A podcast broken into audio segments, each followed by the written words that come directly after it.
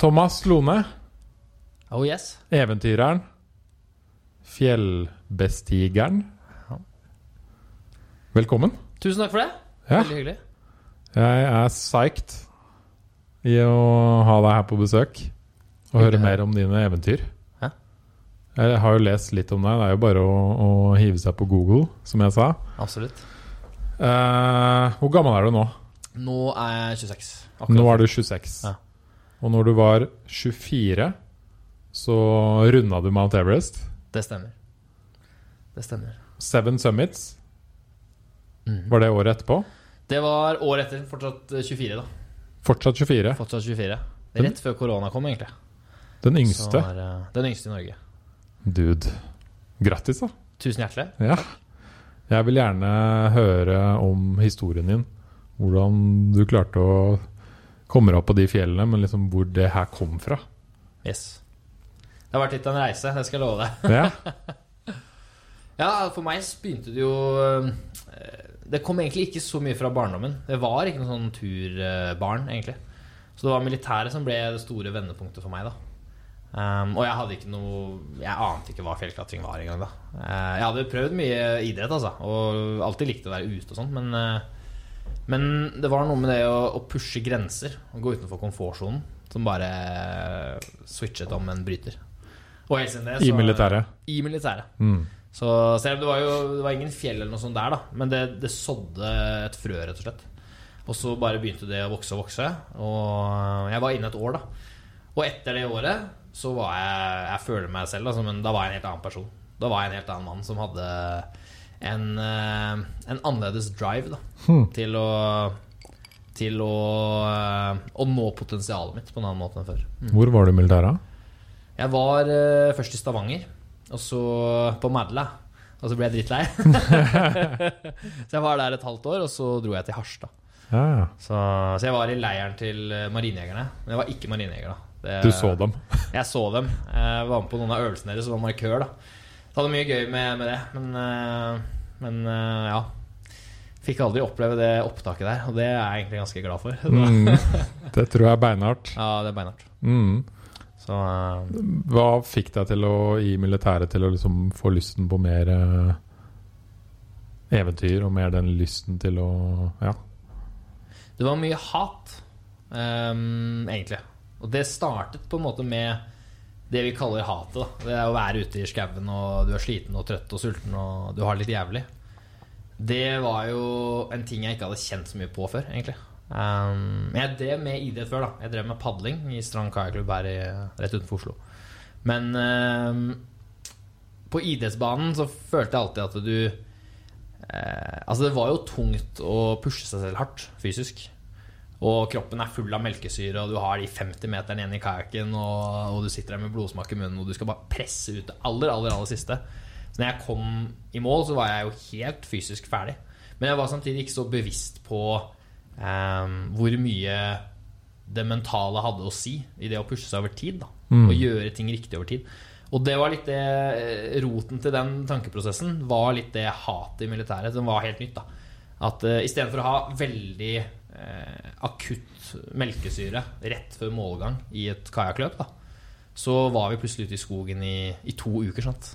Og det var lite mat, det var lite søvn. Det var hele tiden opp midt på natta og en eller annen jævel som kjørte alarm. For det var full krig, ikke sant? Akkurat litt sånn som på førstegangstjenesten, ikke sant?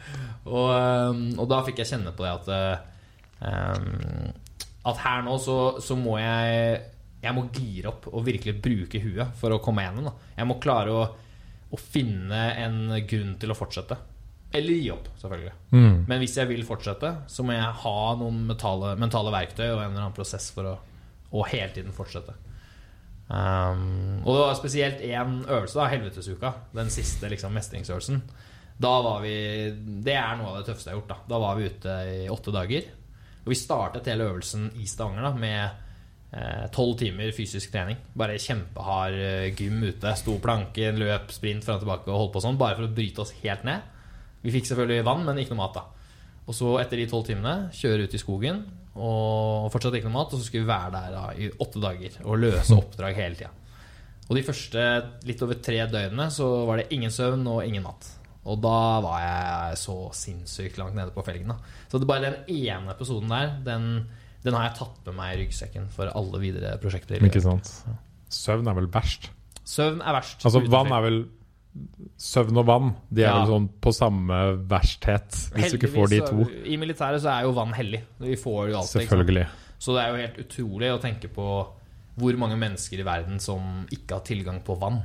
For det må være det aller, aller verste. Og det har jeg heldigvis aldri opplevd. Eh, men den søvnen gjør deg jo gæren. Altså, jeg gikk jo rundt i Vi var på Evjemoen, da. Et sted som jeg for øvrig aldri har besøkt igjen. Og, eh, og etter et par dager så begynte jeg å se eh, Rett og slett Jeg begynte å hallusinere ting. da Så jeg så isbjørn som gikk rundt i skogen på Evjemoen. Det var ganske artig. Det er vel sikkert søvnen, da. Det er søvnen. Mm. Du klarer deg jo uten mat ganske lenge. Veldig lenge. Um, og sult er bare vondt i akuttfasen på starten. Og det er jo fordi vi er så vant til å spise hele tida. Yes. Vi spiser jo tre-fire måltider om dagen, og på alle kontorer nå står det jo snacks framme hele tida. Så vi er vant til et sånn et matsug, og spesielt sukker. Så du får jo en sånn sjokkfase, men etter den sjokkfasen så blir magesekken din like liten som en knyttneve. Og da er nesten sultfølelsen borte. Så det var aldri noe problem. Nei. Du blir selvfølgelig mer sliten i kroppen, da, siden du ikke har Du brenner jo bare fett. Mm. Så jeg kom hjem fra den øvelsen. Da veide jeg jo 61 kilo. Da var jeg spinkel kar.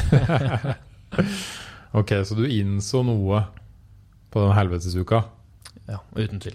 Men du likte det òg, på en måte. Jeg likte det etterpå. Ja. Jeg hadde det veldig vondt underveis. Men jeg husker at det, det, liksom, det mentale vendepunktet for meg med den turen, uten tvil, det var at jeg Jeg klarte å se det positive i hatet. Og det positive Det er veldig lite positivt der og da. Fordi akkurat der og da så er det vondt, du er sliten, du er trøtt, selvfølgelig.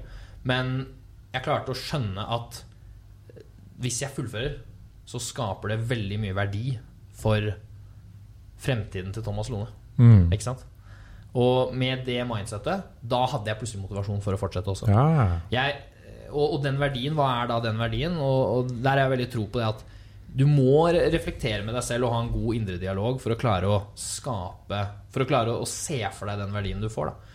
Og for meg var den verdien veldig enkel. Det var Jeg får en konkret erfaring og opplevelse på denne helvetesuka som jeg alltid vil bruke som et referansepunkt senere i livet. Så hvis jeg kommer Enten det er en Det kan være alt fra en eksamen eller da en, en ekspedisjon til Mount Everest, eller bare en, en krangel med kjæresten. Da, ikke sant? Så har du alltid en, ja helvetesuka. Helvetesuka, ikke sant? så vet du at du har en erfaring du kan ta fram av, eh, av tursjekken. Og tenke at det, du har vært gjennom det her. Du fullførte åtte dager med helvete i skogen. Og du skal klare dette her også. Mm. Bare en, en slags selvtillit også, da, i det. Til å fortsette. Og det for så vidt trenger jo ikke å ha vært en helvetesuke i andre folk sitt liv. Man kan jo ha hatt andre ting ikke sant? Absolutt. som man selv har vært gjennom, som har vært harde. På helt andre måter, Yes. som man har kommet seg ut av. Og jeg tror det, det begrepet at ting er relativt, er jo veldig viktig her òg. Mm. Det finnes veldig mange som også jobber i Forsvaret, som hadde kost seg på den øvelsen jeg var på. Yes. Det er mye sjuke folk der ute. Ja, ja. Men det som, det som også Det jeg føler det handler om, er at du må bare pushe din komfortsone. Mm. Og hvis du aldri har vært ute på tur i hele ditt liv, så ville det kanskje vært mer enn nok å bare dra ut og sove en natt i sovepose i Nordmarka. Mm. For mange er det det. For mange er det det, og det kan gi akkurat samme effekt. Så du må bare kjenne deg selv godt og pushe din komfortsone. Mm. Og du kjenner deg selv godt ved å, å hele tiden utforske ting og prøve ting. Så, så det ble en del av mindsettet. Så militæret ble ferdig. Også, hvordan var det du kom inn på dette med å begynne å, å skulle gå opp fjell? Så det var eh, Det tok litt tid. Det var en liten sånn dødperiode der. Mm. Um, Jeg var ferdig i Forsvaret. Hadde- Da er man vel 19 eller noe? Ja, da var jeg 19. 1920 et eller annet sånt. Ja, ett år etter videregående. Um, og så hadde jeg alltid tenkt at jeg, jeg ville studere i, i Trondheim da og gå sivilingeniørlinja. Det var liksom alltid målet, for jeg var veldig nerd som barn. da Masse matte og fysikk, og det var det jeg elsket. liksom um, Så jeg skulle gå det, og, og lære hvordan verden hang sammen. liksom Det var Mm. målet. Og med en gang jeg begynte å studere der, så um, Det ble en herlig tid i livet. Altså Studietiden er eh, knalltid. det er helt konge. Det var helt rått. Altså, både det sosiale, men også læringen og hele opplegget var bra. Og så hadde jeg jo for første gang bare Jeg hadde så mye fritid og frihet ikke sant? Eh, til å dyrke akkurat det jeg digga. da Ja. Eh, Det var helt rått. Jeg, jeg trente jo fortsatt masse. Jeg var i god form etter Forsvaret. Og så begynte jeg å lese gradvis da Lese bøker om, eh, om eventyrer og ekspedisjoner. Fordi det tok ikke så lang tid, dette militæret, for jeg, liksom, jeg følte at det å fortsette å pushe komfortsonen, det kan man virkelig gjøre på ekspedisjoner. Både fysisk og psykisk. Da. Det er liksom en sånn ultimat arena for å pushe seg på begge. Um, toppidrett, veldig fysisk. Selvfølgelig veldig mentalt også, da. Men, eh, men da er det veldig orientert rundt treningen, og det er kroppen din som skal gjøre hele jobben. ikke sant? Um, og så har du, Hvis du for vil gjøre det stort i næringslivet, så er det veldig strategisk og veldig mentalt. da Men ekspedisjoner likte jeg fordi det er liksom hele pakka. Du må ha kommersielt hefte, du skal skaffe sponsorer, du skal planlegge, du skal ha logistikk. Du skal ha utstyr til basecamp hvis det er et fjell. ikke sant? Skal du til Nordpolen, altså hvem skal fly deg dit? Skal du gå fra Canada? Skal du gå fra Russland? Det er så, så mange ting som kreves der, samtidig som du skal kjøre kroppen din så langt ned i kjelleren som du aldri har vært før. da Mm. Eh, Så jeg var bare inspirert. Leste masse. Og så eh, var det jo til slutt når jeg begynte å lese bøkene om, eh, om fjellklatring, og spesielt Everest, da. Da bare gikk det på et lys. Det her, var liksom det det gjeveste, syns jeg. da Så det skal jeg inn i. mm. Begynte du å øve med mindre fjell først, da? Jeg gjorde det. Jeg hadde jo vært på Galdhøpiggen, eh, men jeg kunne ikke klatre. Hadde ikke noe brattkort eller noe sånt. Um, og det jeg fort Det er bra, for den storyen her starter jo da med at du kunne jo ikke en dritt om det. Nei, ingenting. Nei. Kunne ingenting. Nei. Starta fra basically scratch. Yes. Ja, konge. Jeg, jeg hadde buldra litt, og um, ja. Ikke noe særlig mer enn en vanlig mann i gata, skulle jeg til å si. Um, så det var liksom det jeg hadde prøvd. Og så um, Men det tok ikke lang tid før jeg skjønte at å klatre fjell uh, På engelsk sier man jo å være en mountaineer, to climb mountains. Du bruker det ordet litt annerledes enn på norsk. At å klatre et høyt fjell må ikke nødvendigvis bety at det er veldig veldig teknisk. Det trenger ikke å være en, ikke sant, en loddrett granittvegg på 1000 meter, og, og du skal prøve å klatre den. Veldig mye av det er jo Du går med tung sekk, du skal ha utstyr til basecamp, du skal tilvenne deg til veldig veldig, veldig tynn luft. Mm. Og takle ekstrem vær. Ekstrem kulde og, og snøstorm og sånne ting. Så det var det kunne jeg jo trene på i Norge. Så det var, liksom, det var der det begynte, egentlig. Begynte bare å ta på meg ryggsekken og gå masse turer da og bare holde det ved like. Og så eh, var vi en liten kompisgjeng i Trondheim som eh, i løpet av det første året der bare bestemte oss for at hvorfor tar vi ikke bare en ferie og drar til Kilimanjaro? Ja. Og det ble første høydeerfaring. Så var det Hvor høy er den, da? Den er uh, litt, under, ja, litt under 6000. Den er, uh, jeg kunne alle Seven Summits, da, høydene. Um, 5, 8, 9, 5 tror jeg den er. 5895. Ja. Så nesten 6000 meter.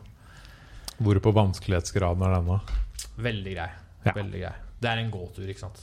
Um, så du kan gå hele veien til toppen.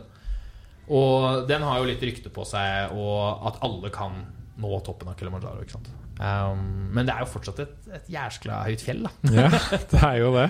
Så jeg hadde veldig respekt for det. Det er en svær stein. da Veldig kul topp. Den går jo bare rett opp fra savanne midt i Afrika. Liksom. Mm. Um, Så ligger du og gutta bestemte dere at vi stikker over det i, sommer? i sommer. Ja. Så det, men det var jo mer en ferie. Det var jo ikke en ekspedisjon. Sant? Det Nei. var jo en ferietur. Og uh, vi gikk inn på TripAdvisor og googlet oss fram, og vi fant en pakkedeal, og alt var ordna. Ja. Så du trengte ikke all, så mye forberedning og nei. Så jeg forberedte meg litt på, på bakrommet for det. da Jeg var, veldig sånn, jeg var veldig opptatt av det å allerede da begynne å, liksom, å kjenne litt på kroppen hvordan jeg taklet høyden. Fordi jeg ville jo videre. Jeg ville jo høyere og på flere turer etterpå, hvis det ga mersmak. da mm. Um, men det var, var en veldig grei tur å, å forberede seg til. Um, og vi kom ned der og, og fikk en knalltur, altså. Kjempefin opplevelse. Du, du starter jo i regnskog på 1000 meter over havet. Og så går du gjennom alle verdens klimasoner. Du står på en isbre på toppen. Det er helt rått. Det er så fett. Er Hvor lang tid bruker man på en sånn topp? Cirka en uke, cirka. En uke, ja. Ja. Så, og det er litt, kort, Opp egentlig. og ned, eller bare opp? Ja, sånn seks-syv dager opp, og så et par dager ned, da. Ja. Men det er ganske intensivt opplegg. Og det er jo De som opererer der nede, prøver jo å tjene så mye penger som mulig på det. Så de vil jo ha så mange turer som mulig da i løpet av et år. Og derfor blir det ganske kort tid. Så hvis du kjører sånn seks-syv dager, så er det, det er ganske mange som ikke når toppen. Mm. Og det er kun pga. høyden. da Hadde toppen av Kilimanjaro vært eh, på høyde med Galdhøpiggen, ligget i Jotunheimen, så hadde alle fint klart Ja, ja. å gå den. Veldig slak, fin vulkan hvor du bare går Du går eh, dine fem eller ti kilometer hver dag, og så når du til slutt toppen. da Og grunnen er mye at du må tilvenne tynnere luft, eller? Du må tilvenne deg tynnere luft. For allerede på Kilimanjaro så er det bare 50% av den oksygenen vi puster nå, på toppen. Og det har mye å si for kroppen. altså Den, øh, den reagerer skikkelig på det. Mm. Det er litt som å bli bakfull, egentlig. Du er bare ja, tung i huet og du kaster opp. Og... Så tatt deg en skikkelig hard natt på byen til Mm. fire og våkner sånn tolv om morgenen med hodepine. Det er akkurat denne følelsen. Jeg veit ikke hvor høyt det høyeste jeg har vært i livet her, men jeg har vært ganske høyt i Peru. ja. Der, men det er jo sikkert ingenting i forhold til det her. Men jeg husker at ting gikk tregt. Yes. Ja, det husker jeg. Og at man var litt tungpusten og husker du hvor du var? Du var ikke på Mm. Machu Picchu? Jo, jo. Det Jo. var, jeg, det var rundt der. Det var i området der? Ja. ja Gikk du den også? Ja. Ja. Da har du vært på 4500 eller noe sånt, du, da, tror jeg. Ja, ikke sant? Du kjenner det ganske bra der, altså. Du gjør det. Ja. Og det var jo stor forskjell, fordi jeg tok buss dit. Mm.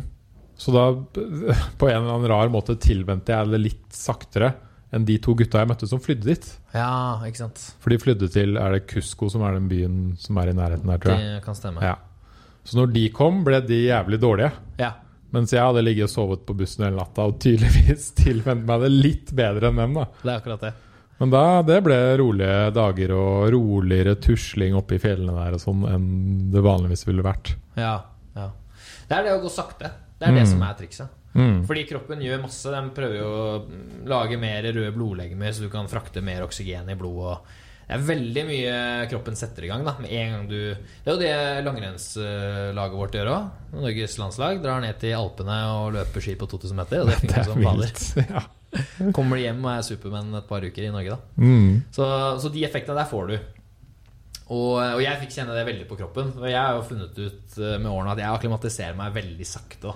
Du gjør det. Så jeg kom opp på 2000, var null problem. Kom opp til 3000, og da begynte jeg å ha sånn lett hodepine. Og allerede neste dag da så gikk vi opp til eh, 4000. Og da lå jeg langflat, altså. Gjorde det. Da lå jeg i teltet, og jeg spøy, og veldig kraftig hodepine. Sånn ordentlig migrenehodepine. Men det var veldig akutt. Jeg hadde det i to timer. Og så sovnet jeg.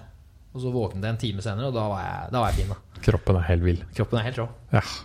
Og så gikk vi videre neste dag.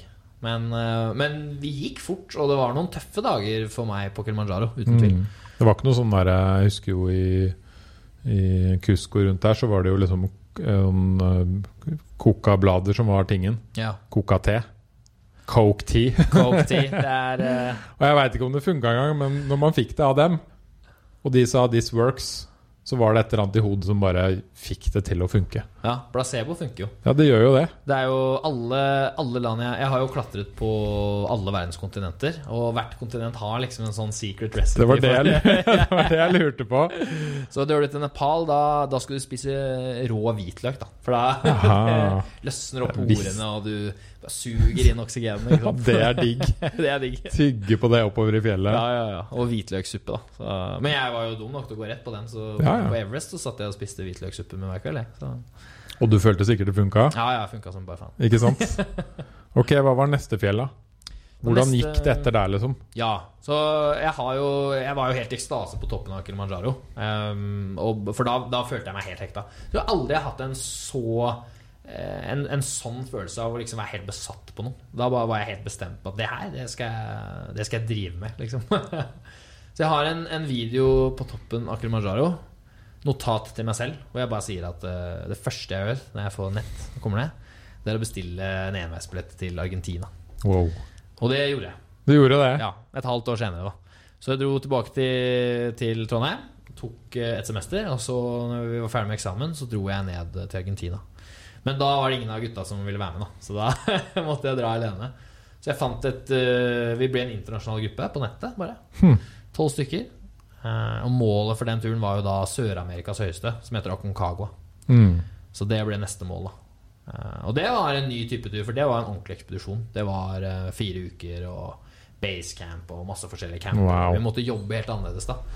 Da må, hadde vi med så mye utstyr. Vi måtte bære litt mat og fuel opp til camp 1. Ikke sant? Og så måtte vi legge fra oss det et depot, gå ned igjen til basecamp og hvile, for så å ta med neste halvpart opp. Så vi begynte å jobbe på en helt annen måte på fjellet. Og det var jo mye mer værutsatt òg. Plutselig var det Det fjellet er nesten 7000 meter, ikke sant. Så Da begynner vi å snakke høyder her, altså. Ordentlige høyder. Da, det, da hadde jeg veldig ekstrem respekt altså, for det fjellet. Så det var eh, en av de gangene på reisen min hvor jeg har vært lengst utenfor komfortsonen. Mm. Da jeg dro på den turen. Um, så det, det ble en game changer. Da så jeg mitt første lik også, faktisk. Wow. På den turen Det var en kar som omkom i campen over oss. Rett før vi prøvde oss på toppen. da Shit. Så da ble det plutselig et helt annet game enn å være på varme Kilimanjaro i Afrika. Og, Ja. ja, Tusle rolig opp i sammen med alle turistene. mm. Mm. Sinnssykt. Men hva eh, Hva tenkte du da når du så et lik der? Dette, det går bra med deg? Det, det gjorde veldig inntrykk på meg. Ja. Det husker jeg. Jeg så heldigvis ikke han, da. Um, han hadde ikke dødd på grunn av um, Hva skal jeg si? Det var ikke en klatreulykke. Men mest sannsynlig var det forårsaket av, av tynn luft. da Så formelt så døde han jo av hjertestans, men du får veldig mye høyere risiko for det. Spesielt hvis du er litt gammel, som han var, og hvis du er i tynn luft. Um, og problemet er at uh, allerede da så var han i en camp hvor uh, helikopteret ikke ønsker å fly, for det er risikabelt å fly. Så det er et ordentlig problem å få han ned. Da. Så det kommer jo et svært team med, med redningsfolk. Det er, det er jo et, et fjell som en god del mennesker prøver seg på hvert år. Så de har en sånn ranger-gjeng da som bor fast i basecamp hele sesongen. Og de måtte da opp for å prøve å få han ned, og det var veldig spesielt syn. da Så de hadde surret han i en sovepose, og så hadde de bundet litt klatretau rundt, rundt soveposen hans. Så det sto jo liksom en kar med hver sin tauende og prøvde å manøvrere denne kroppen nedover fjellsiden. Um, og det så jeg. Det så, så jeg sto utenfor teltet på, på kvelden. Jeg visste ikke om situasjonen. Og så plutselig det laget her komme ned. Tar det litt tid før du skjønner hva som faktisk foregår, da. Og så, så spør jeg Horatio, som har fått inn på walkietalkie, at eh, det er en kar som har omkommet. Da. Og det, det gjør det litt mer virkelig. Selvfølgelig. For når du er på fjellet, så du føler at du er veldig Døden er veldig langt unna. Det føler du alltid. Mm. Fordi hver gang du klatrer, så er det jo pent vær. Ikke sant? Det er, eh, du ser toppen, du har utsikten. Er det drittvær, så tar du en hviledag og ligger som oftest trygt nede i basecamp. Ikke sant? Så da kjenner du litt på det. At det er en, det er en risiko her. Eh, Men det er ikke bare en numbers game. Det er ikke russisk rulett. Hvis ikke hadde jeg ikke drevet Nei, med tror jeg. Banke bordet. Det er, eh, du kan påvirke den risikoen du tar. Ikke sant? Yes. Det er et viktig poeng. Da. Og det har jo ekstremt mye å si. Ja, Mm. det har det. På hvilken måte kan du påvirke, da? Det er jo tenke som en toppidrettsutøver, da. Du, du må påvirke alt det du har kontroll over. Men den, som- men den turen der trente du vel kanskje mer til? Den, den Og planla bedre. til, Og planla bedre. Så det kanskje største forskjellen var utstyret. Jeg måtte ha ordentlig utstyr. Jeg måtte ha spesialstøvler da eh, når du skal opp i, i så tynn luft. Problemet er at siden det er så tynn luft, så du klarer nesten ikke å bevege deg Altså Du klarer ikke å gå sånn som vi gjør her. Vet, har du sett Tjukken og Lillemor på TV? Det Nei, er- jeg har bare hørt mye om det. Ja, Mm. det er jo eh, Cecilie Skog og, og Truls Svendsen som er på Mm. tur. De er på Aconcagua. Han når ikke toppen, da, men nesten. Og det er imponerende, altså. For, Mm. Han er jo, jeg skal passe på hva jeg sier her, da, men han, eh, jeg vet ikke om han hadde gått uh, sine to mil med sekk hver dag før den turen. uh, men han kjempet jo virkelig, altså. Um, og på, den, på, på de TV-episodene der så ser du veldig tydelig hvordan tempoet går så mye ned når de kommer opp i, i tynn luft. Mm. Um, det er ikke nødvendigvis sånn at du er Det er ikke sånn andpustenhet som at du løper bakkeløp, liksom. Det er ikke det. Men det er mer bare du, Kroppen klarer ikke å gire opp. da Du blir litt sånn utmattet. Du går mye, mye, mye saktere. Og når du går saktere, så lager du ikke varme. Nei. Og derfor må du ha ekstremt bra utstyr. da Så hvis du først blir kald på tærne, så er du kald på tærne. ikke sant Ja. Så det er viktig at du har eh, støvler som isolerer veldig bra. Så det ble et helt annet kaliber på den turen. Og ga et veldig godt grunnlag for, for senere turer òg. Mm. For liksom, ballen begynte bare å rulle. Og det var det som var så fint med Seven Summits, du kunne ta tur for tur. Så du kom opp dit. Bestilte du da neste tur med en gang du kom ned, eller? Ikke langt unna. Det var ikke det. Det var ikke det. Så, men da jeg gikk med guide på Concagua Og det var også en litt sånn nyttig erfaring. Jeg bestemte meg etter Concagua at det blir siste gang jeg gjør Med guide. med guide. Fordi det begrenset eh, fleksibiliteten som gjør å være med i en gruppe.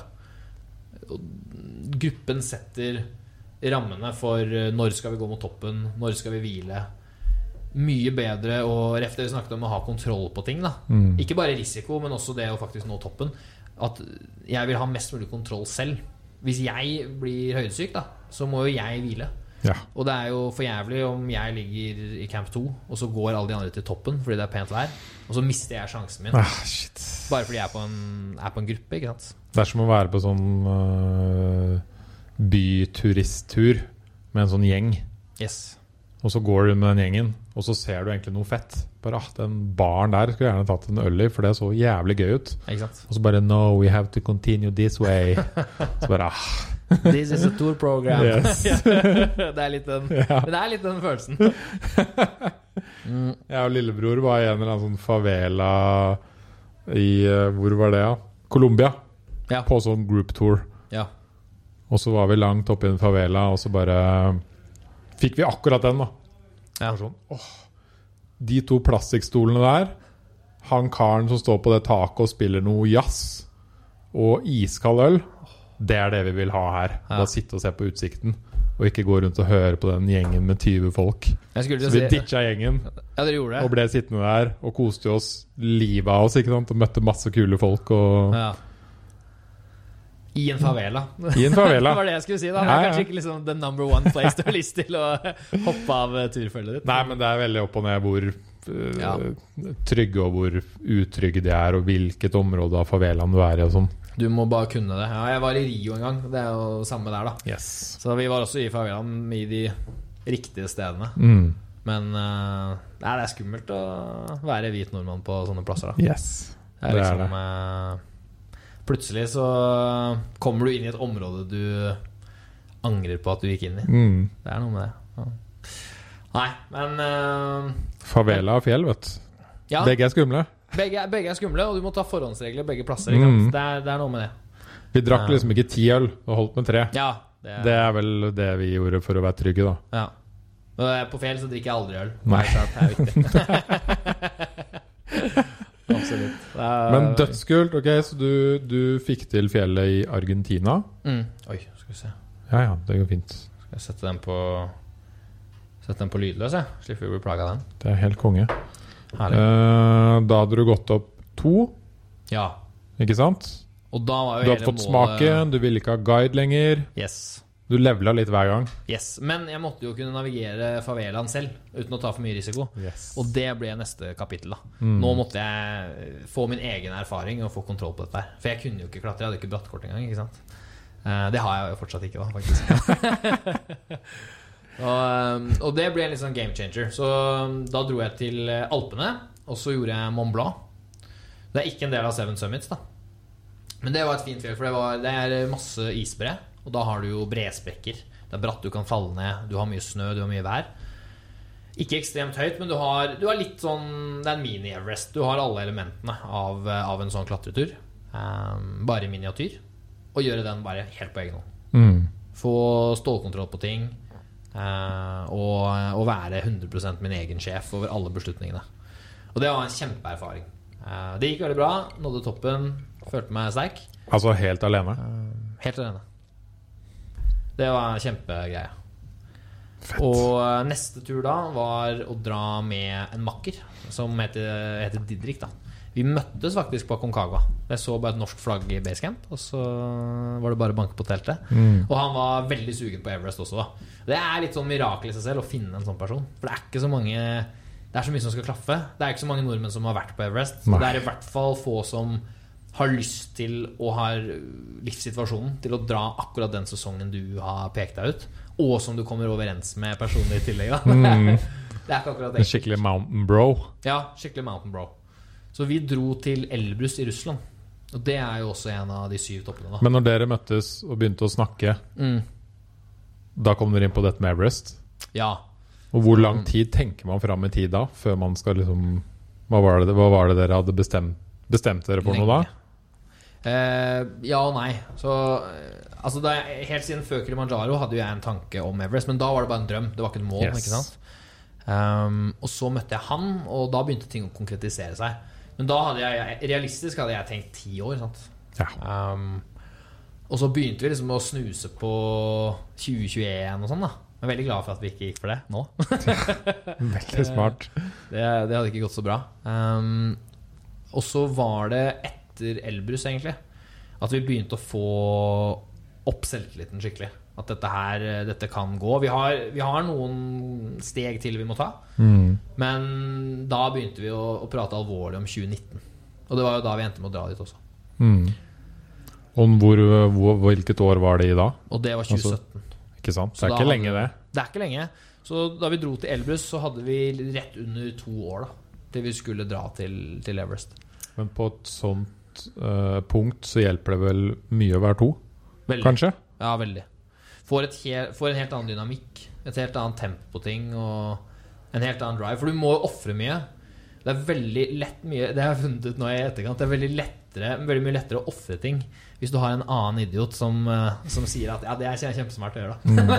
du trenger en liten sånn eh, selvtillitsboost da, på at du, du er inne på noe her, og dette blir kult, og dette blir bra. Um, du føler deg ikke like gæren og ensom lenger. Og det har mye å si for å gjøre litt sånne annerledes ting. da Som bryter litt normer og, ja, og går utenfor, uh, utenfor strømmen. Sånn. Mm. Mm. Det er jo det samme folk som lager bedrifter sier. Det å få en co-founder er liksom Yes! Yes. Nå er jeg ikke alene på toppen. En som støtter prosjektet ditt Ja. og har tro på deg. Sparre med og Yes. Spille hverandre gode. Tro på hverandre. Det er kjempeviktig. Mm. For ikke snakke om bare det praktiske. Vi har plutselig to hjerner og fire hender, og det har også mye å si. For det er, det er mye som skal på plass. Spesielt en sånn Everest-ekspedisjon. Det er så omfattende og så stor. Det tar så lang tid. Så dere begynte å snakke om det i 2017. Ja, Det var da dere møttes. det var da vi Og så Og da lagde vi en liste med delmål, og da Yes. var jeg veldig klar på én ting. Jeg ville ha en ordentlig generalprøve. Fordi Everest er jo ikke uten risiko. Nei. Eh, og mye mer risiko enn de andre fjelltoppene jeg hadde vært på. Det skjer jo ulykker på alle fjell.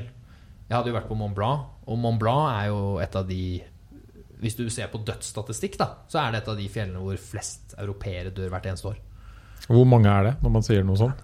Jeg tror det er eh, rundt 100 mennesker. Det er helt vilt. Det, det er helt vilt, men da er det jo medregnet eh, Det er masse folk som står på ski der. Ikke sant? Er Alle Ja. skiulykker er med. Hvis en eller annen er på Agide Medi, da Det er sånn eh, Det er en syk restaurant. Jeg vet ikke om du har vært i Chamonix og sett den. Det går en sånn gondolbane bare rett opp til 4000 meter. Og der har de bygd et palast på et sånt ordentlig fjellspire. Det er helt, Det er helt sykt sinnssykt. Det er helt sykt. Og der drar det jo masse folk og spiser fancy middag og kan bare loffe ned igjen med gondolen. Eh, og hvis noen, får, hvis noen dør av uh, å få den dyre biffen i halsen der, så er det også del av, del av statistikken. Um, men Everest er jo risikomessig et helt annet game. Ja. Og derfor var jeg veldig på at uh, vi hadde erfaring, men jeg syns ikke vi hadde nok. Vi må gjøre en generalprøve. Og da kom neste topp opp, da som er Nord-Amerikas høyeste, Denali i Alaska. Og det ble, det ble en syk tur. Da. Så det var neste store. Var det en game changer?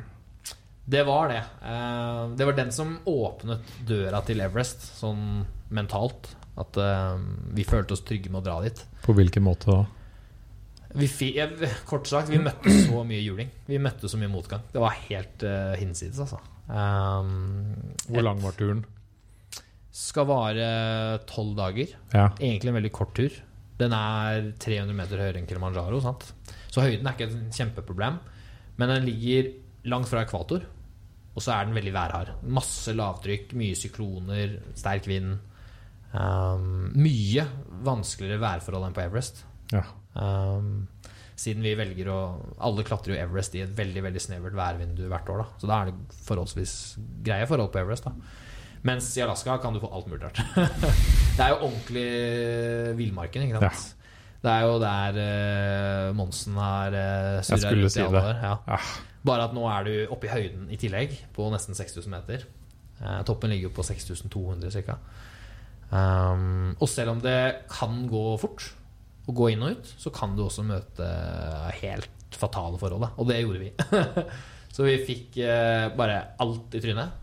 Mm, fortell hva Gikk eh, Først så ble, ble vi sluppet av med fly. Så De har sånne spesialfly som lander på isbreen rett på med ski under hjulene. Helt rå fly. Eh, dumpa der, ut med alt utstyret, hadde vi ca. 100 kg pulken hver. Det var alt vi trengte. Vi hadde mat for ca. 30 dager. Så vi hadde veldig mye til overs, kan du si. da For vi hadde planlagt konservativt. Vi skulle opp. Det var, eh, det var så viktig for oss at eh, her ville vi ikke ha noe risiko for å komme tomhendt hjem. da Og så begynte vi å gå inn mot fjellet. Da gikk vi på ski. Og så begynte vi etter hvert å, å komme opp i høyden. Og da Først så la vi fra oss skiene, så gikk vi videre til fots, og så la vi fra oss pulkene. Og så gikk vi etter hvert videre med sekk. da og Sånn som vi klatrer på de andre fjellene. Og, og derfra så, så, ble vi først stuck i dårlig vær. En svær snøstorm. Det bare kom masse nedbør. Og da, da var det så dypt snø. Vi klarte ikke å gå verken opp eller ned. Og Oi. da var vi mange lag. Altså det var mange telt rundt oss.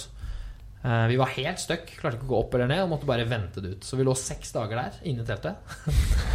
Og så fikk vi én penværsdag, og da ble det jo en sånn skikkelig dugnad da, med noen av de sterkeste lagene. Vi teamet opp, og så begynte vi å brøyte videre mot uh, campen over. da Så kom vi oss inn i den campen. Og det skulle bli uh, Det skulle bli starten på en ganske sjuk eh, del av turen. Fordi, ja. Hvor mange var det der, da? Der var vi mange færre. Vi var kanskje tre-fire telt. Vi kom inn der på ettermiddagen, og jeg ble høydesyk. Så jeg, eh, vi hadde vært jævlig kalde også, gått over en sånn smal, smal egg, hvor vi har 1000 meter ned på hver side. Og vi hadde gått over der og balansert. Vi var jo bare to stykker Det var bare meg og, Didrik, da. Vi hadde 40 meter tau mellom oss. Og gikk mm. over denne ryggen. Kom vi fram til campen. Får opp teltet, og jeg ble ordentlig høydesyk da og lå og spøy og var helt uh, ferdig. Uh, veldig kraftig vind, dårlig vær.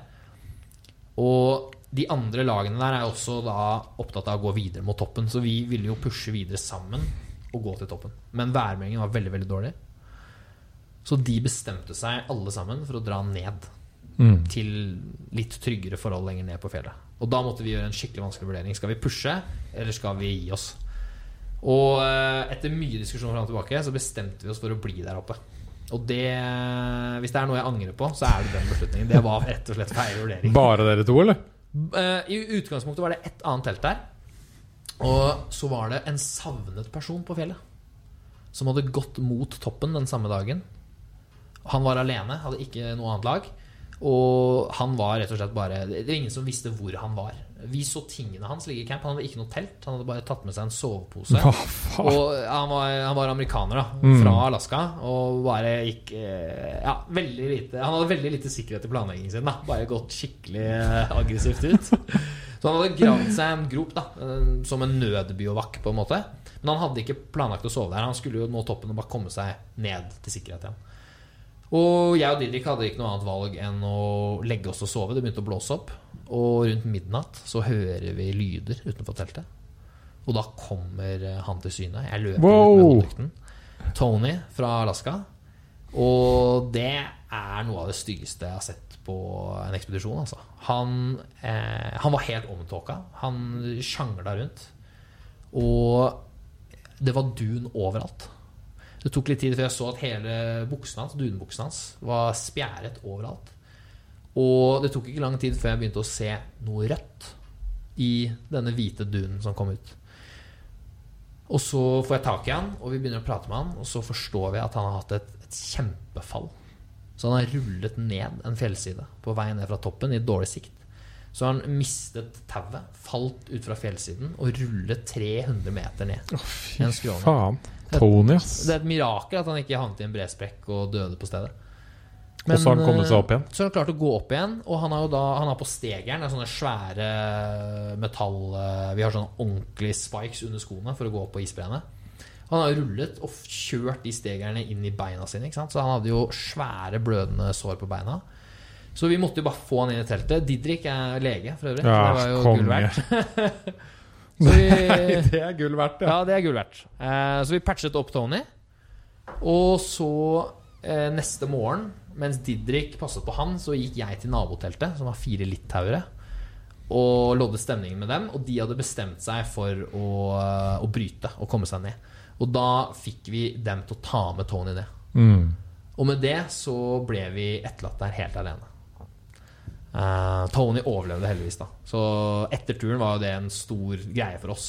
Vi følte virkelig at eh, hvis det ikke hadde vært for oss og de ukrainerne, så tror jeg fort han kunne ha strøket med i den høyden og den vinden vi hadde da. Uten telt? Uten telt. Ja? Eh, jeg tror ikke han hadde overlevd det i den forfatningen han var i. Han hadde frostskader i ansiktet, på fingrene, på tærne. Så jeg vet ikke hvordan det har gått med han etterpå, men eh, jeg tror han fikk mye juling på den turen der. Og så, ok, Og så var dere vi lå der alene i åtte døgn. i åtte døgn. Og vinden bare økte og økte. Og det ble så mye vind at vi Er det, kunne ikke altså, hvordan er temperaturen? 40 minus. Ah, Og, og med vinden effektive under 60 minus. Så det var, det var ille. ordentlig, ordentlig ille. Uh, selv om vi hadde med mye bra utstyr da, da var jeg ordentlig redd. Altså. Mm. Det som er så sykt skummelt med det, det er at det, det er ingen som kan redde deg. Ikke noe helikopter som kan fly så høyt. Og det er ingen som kan klatre opp for å prøve å redde oss ned i den vinden heller. Det er mye tryggere å være inni et telt enn å være ute og klatre, selvfølgelig. Så du, Mm. du er stuck. ikke sant? Du kan ikke gjøre noe med situasjonen. Du kan ikke gå opp eller ned. Vi har med oss nødperlesender, men hva hjelper det å trykke på den? Ingenting. Så vi ble liggende. Vi, det var jo rett rundt da Donald Trump uh, hadde blitt valgt som president. Da. Så vi Mm. bygde en sånn skikkelig fin mur rundt teltet. I uh, heder og ære for, for Donald. og prøvde bare å begrave oss da, og pakke oss inn. Og vi holdt ut der oppe, men på det verste så var det over 40 meter per sekund vind. Så det er jo dobbelt så mye som storm, da. Og teltet holdt. Um, så vidt. Og vi lånte teltet av en annen norsk klatrer før vi dro, da. Så det var jo over ti år gammelt og hadde litt sånne sprekker og rifter her og der. Så det var litt sånn, det var, pulsen var altfor høy, da. Mens vi lå der. Og, Ja, da må du ha med helt sinnssykt bra utstyr. Ja, må jo egentlig det. Ja, ja. Um, vi ble liggende, og uh, vi verken sov eller var våkne. Vi var veldig stress hele tiden. Litt sånn Mm. zombietilstand. Og bare ba til Gud om at det teltet skulle holde. Da. Men det gjorde det. Og så løsnet til slutt der, og så nådde vi toppen. Da. Yes. Så vi fikk den inn, og det er den- for oss begge kanskje den største mestringen vi har hatt på, på ekspedisjonen. Altså. Det, helt, uh, det ble en helt vill tur. Skulle vare i to uker, og vi brukte jo 31 dager.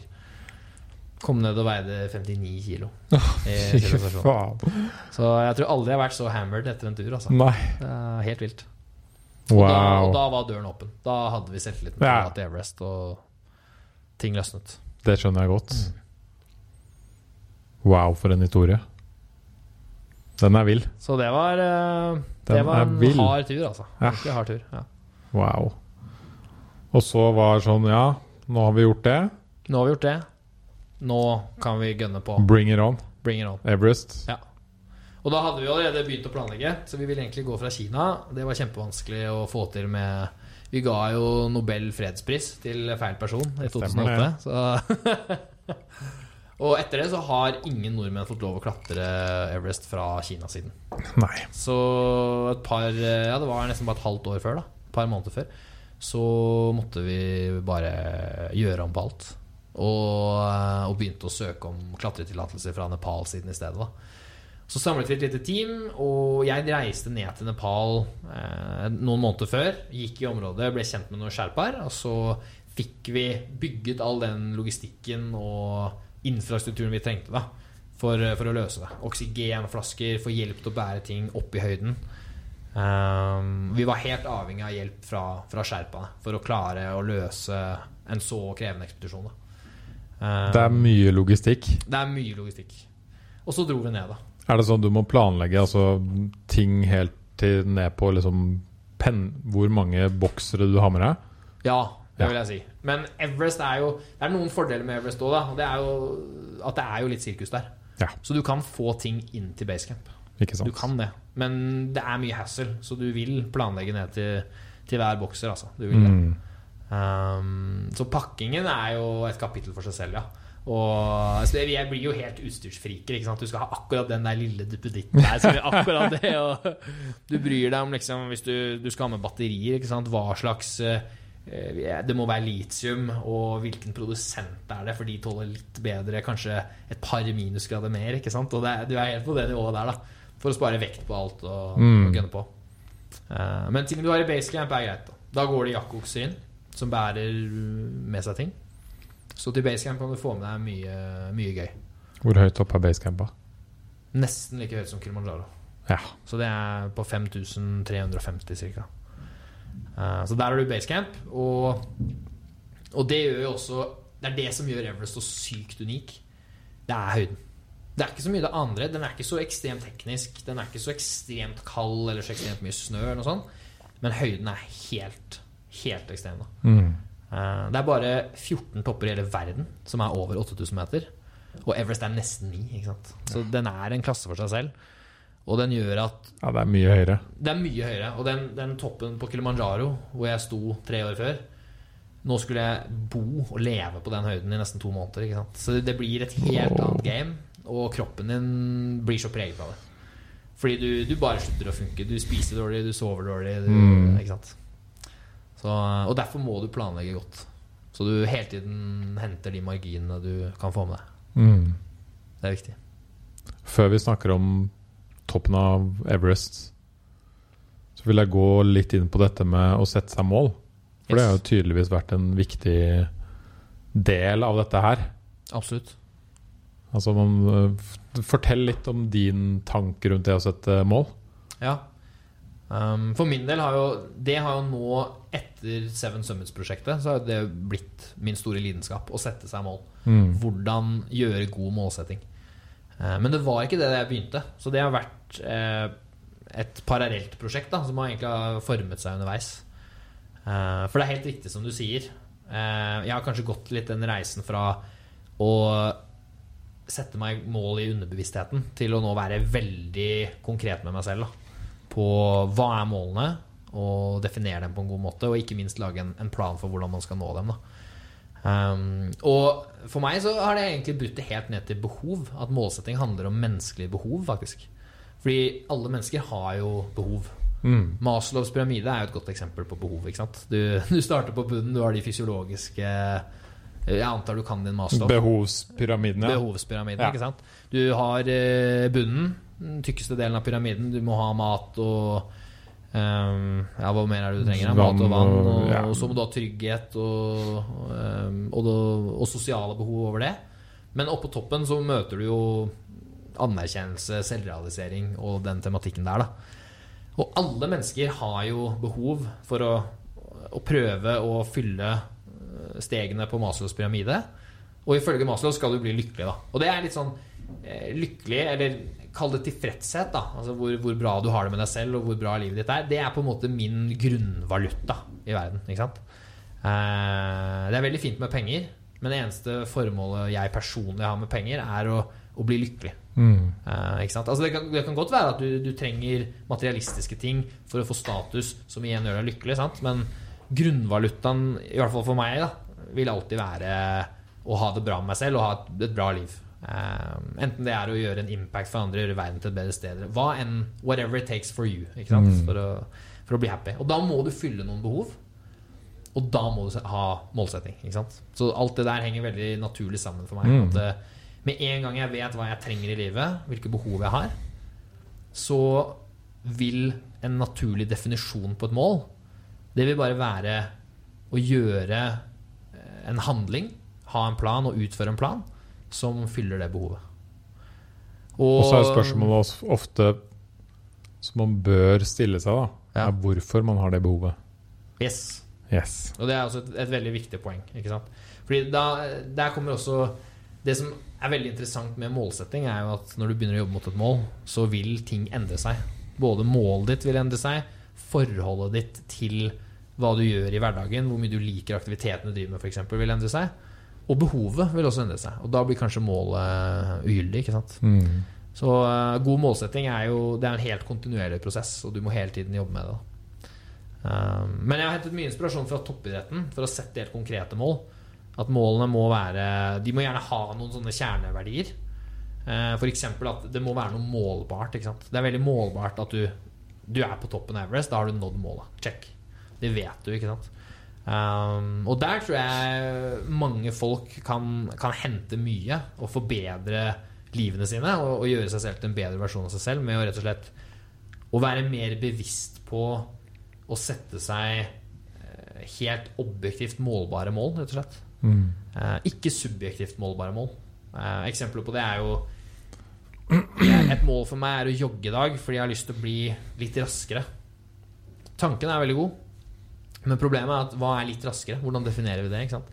Du, det blir litt som, eh, som den hesten som uh, har en sånn gulrot eh, rett foran munnen, som bare løper og løper. Den vil aldri komme til mål. Den vil aldri bli happy. Um, så du kan ha to fallgruver. Du kan enten føle at du aldri blir rask nok, og så blir du demotivert av det.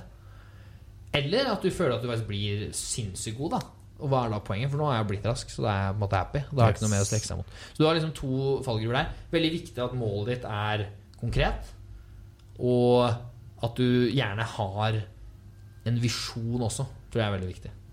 Uh, noe litt større. Noe større. Og ja. det er veldig interessant når du snakker om det. Hva kommer bak målet ditt? Hva, yes. hva, når du har nådd toppen av Everest, og det er tomt? Har du da en god visjon, si, så kan du fortsette. Det er forskjell på å si 'jeg vil til toppen av Everest', og 'jeg skal på toppen av Everest innen to år'. Yes, det er akkurat det. det er akkurat stor det. forskjell. Veldig stor forskjell. Ja. Fordi du gjør det konkret. Børge Ausland, som uh, har, har vært, vært, en stor inspirasjon Han har vært her, ja. Han har vært stor inspirasjon for meg. Han er legende. Han er legende. Ja. jeg møtte han nå på Svalbard. Vi satt og spiste middag for en måneds tid siden på Svalbard. Og da, da, pratet vi litt om dette her. Å sette seg mål og det å liksom gønne på. Og hans slogan er jo alltid at han bare bestiller flybilletten. Fordi da, da, har han den flybilletten å forholde seg til. Da må han, ikke sant? Yes. Det er, er dritbra. En måned eller to eller et år. Da går toget. Da skal, da skal jeg sitte på et fly til Canada. Og da må, da må, jeg være klar. Hvis ikke så går det til helvete. ikke sant? Og det kan man gjøre med ferier òg. Hvis man sliter med å ta seg ferie eller fri eller yes. whatever. Sliter med å ta den turen. Altså Folk som snakker om at de skal ta den turen til India i ti år. Ja. Bare bestill turen til sommeren nå. Ja. Eller neste sommer. Og det som er så drar er at du lager deg insentiver. Ja. Fordi det er jo ingenting som da tvinger deg til å gå på, på det flyet. Men du har betalt eh, La oss si du har betalt 15 eh, 000 kroner da, en tur-retur-billett til langt vekk. da Og så Du vet at du, du sanksjonerer deg selv. Det gjør vondt hvis du ikke planlegger det bra. Mm. Hvis du drar dit og har brukt alle de pengene og ikke får skikkelig valuta for pengene, det har du ikke lyst til. Og da har du plutselig et skikkelig insentiv til å sette deg ned og, og følge planen din. Da. Lage en plan, følge planen og nå det målet. Gjøre det så bra som mulig. Mm. Det har jeg veldig veldig tro på. Gi seg selv litt insentiver. Det er lov å lure seg selv litt. Men hva er forskjellen på mål og visjon? Yes. Det, det er liksom Det er et veldig godt spørsmål. Mm. Fordi jeg synes det er Det vil være en glidende overgang mellom de to. Sånn som eh, når folk spør når var det du begynte å planlegge Everest, så kan jeg jo svare at det var halvåret før, når vi fikk godkjent visumet vårt og klatretillatelsen til eh, Nepal. At det var da vi liksom virkelig trøkka inn den siste planleggingen og ringte sponsorer og alt det der. Men det var jo også før Kilimanjaro. Når jeg bestemte at i løpet av livet det, jeg skal gjøre det her. Altså jeg, jeg, er villig til å dø for å nå den toppen. Selv om jeg ikke hadde vært i Nepal eller visste hva det var engang. Mm.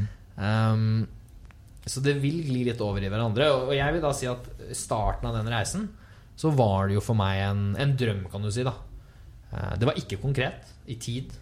Eh, det var ikke konkret i form. Hvordan skulle jeg klatre? Skulle jeg gå mer uten oksygen? Alle disse tingene. Og så blir målet formet underveis på reisen. Eh, det tror jeg veldig på. Men en god visjon tenker jeg jo at du Den skal være uoppnåelig. Fordi poenget med visjonen er at du alltid skal kunne jobbe videre. Du vil aldri bli satisfied reisen er målet i seg selv. Mm. At uh, du, den gir deg et godt formål i livet som gjør deg lykkelig og gjør at du F.eks. å gjøre verden til et bedre sted. At du, du kan ha en impact, og du kan gi noe tilbake. Det er en god visjon. Det er en veldig god visjon. Ja. Og underveis i den reisen i livet så setter du deg mål for å gjøre, de, gjøre det Så det er, det er delmål til visjonen din på mange måter. ikke sant? Mm. Mm. Men det som er litt spennende også med, med mål, er jo hva som skjer etter du har nådd målet. Yes. Det er akkurat det. Eller skal vi nå ta Everest-toppen først? Nei, du bestemmer. Vi kan godt det. Vi gjør det. Ja. For da lurer jeg på hva som skjedde etterpå. Yes. Vi, tar den, vi tar toppen først. Ja. Hvor lang Um, tid hadde du brukt på å komme deg opp til basecamp, og hvor lenge hadde du vært der? Lang tid. Så vi dro først til eh, Ecuador, og så til Hawaii, og så til eh, Og så til Nepal. Så det var liksom en lang tur, da. Det, ble, det var litt sånn morsomt eh, konsept vi gjorde, men vi ville akklimatisere veldig, veldig bra. Siden det er så tynn luft på, på Everest. Så vi dro til Ecuador først. Gikk noen vulkaner der. Eh, og Tull- nå tulla litt rundt på vulkanene. Det var veldig gøy. Fikk til og med møtte en tysker Wow. på en bar i Quito. Og da fikk jeg jo byttet norsk linjeakevitt mot å låne skia hans et par dager. Så da sto jeg på ski ned fra en 6300 meter høy vulkan i Det var ganske kult. shit. Det var veldig veldig kult. Um, det som er litt, det var, Nå blir det veldig teknisk her, altså. Nei, men men please men go there. Er egentlig Mount Everest verdens høyeste fjell? Det, jeg er ikke fjelleksperten. Nei, ikke sant? Men- det der, jeg trodde jo det hele livet. Ja, ja. Og så leser jeg plutselig en artikkel, sånn, eh, nesten sånn eh, eh, Det var en sånn uh, ordentlig konspirasjonsteori, vil jeg nærmest si. da Everest er ikke høyest, da. Det er et fjell i Ecuador som er høyere. Hvis du måler fra jordas kjerne og ut til overflaten på jorda, og så ut til toppen av fjellet, om du vil Den avstanden der, den er enda lenger på et fjell i Ecuador, den vulkanen, mm. enn Everest. Og det er fordi jorda snurrer jo rundt sin egen akse. Ja, ja. Nordpolen og Sydpolen er en akse. Den snurrer rundt. Da blir jorda dratt ut ved ekvator. Sentripetalakselerasjonen, ikke sant? Akkurat som eh, en vaskemaskin. Tørketrommel. ja. Så den jorda er faktisk litt feitere rundt ekvator. Den er ikke en perfekt kule. Så dette fjellet her, det var liksom det høyeste fjellet hvis du måler fra jordas kjerne. Og så er det et fjell på Hawaii som er verdens høyeste fjell hvis du hadde fjernet havene. Hmm. Så hvis du tar med terrenget under vann med Ja, primærfaktor og sånn, ja. hvordan du, Jeg kan ikke jeg engang hvordan du definerer et fjell, men det er masse sånn en primærfaktor liksom, hvor langt går du ned før du går oppover mot noe som er enda høyere. Da. Og Det er litt sånn tekniske definisjoner. Det må ikke spørre meg om det greiene der. Men vi hadde lyst til å sjekke begge de på vei inn til Everest, og samtidig fikk vi jo akklimatisert. da Så vi gjorde begge de til toppene. Dere tok de? Vi tok de, og så hadde vi en eh, dag på stranda i Hawaii, og det var helt knall. Og bare ladet skikkelig opp mentalt da før, Ja, ja. før vi begynte, liksom. Det var kjempebra. Men de var greie? De var greie. De var greie. Jeg ble høydesyk, som jeg alltid gjør. da Jeg akklimatiserer så sakte. Så Men da er du oppe i 9000 eller noe? Sorry? Hvor mange meter er du oppe i da? Ja, så altså, På de to? Toppen i, i Ecuador var jo 6300 meter høy. Og den på Hawaii er sånn 4000. Men, Men med havet havbunnen så er og den Ja, ikke Den er faktisk Jeg tror den er 11 000 meter høy. Ja. Det, er, det er jo verdens høyeste uten havet. Uten tvil. Men det blir ikke det samme høydesyk, selvfølgelig. Nei. For du er jo ikke lenger opp i lufta. Nettopp. Så å trykke, det er helt Boom. riktig tenkt. Boom. Fordi vi har jo ca. én bar trykk. Nei, 100 bar. Hvordan blir det? Nei, vi har én bar trykk ved null meter over havet. Så vi sitter nå i studio på én bar trykk. Mm. Og, eh, og det er det samme uansett hvor du er på planeten. Så lenge du er ved havnivå. Cirka, da. Det avhenger litt om det er lavtrykk eller høytrykk selvfølgelig i været. Men jeg har så litt å si. Så, Ja. så den var 4000 meter høy, og det gikk veldig greit. Altså Det var en lett gåtur, da. Og så fløy vi videre. Japan, Bangkok, og så Nepal. Og da var vi i gang, da. Eh, ti dager tar det å gå inn til basecamp, faktisk. Mm. Så vi kom inn dit eh, i starten av april. Og så er det er det som gjør Everest så sykt spesielt. Det er veldig veldig lite værvindu hvert år. Så du har en uke eller kanskje to. That's it. Oh.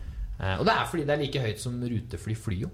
Ja, ja. På, ikke sant, ni, altså de flyr litt over toppen. da Og da er det sånne jetstrømmer.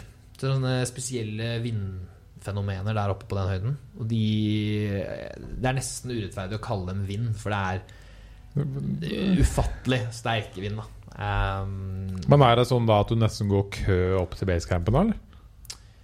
Uh, å gå inn til basecamp er jo en kjent turisttur i seg selv. Ja, nettopp. Ja, Så på Everest så er det eh, Everest ble jo førstebesteget, vet du det? Når, når det skjedde? Nei.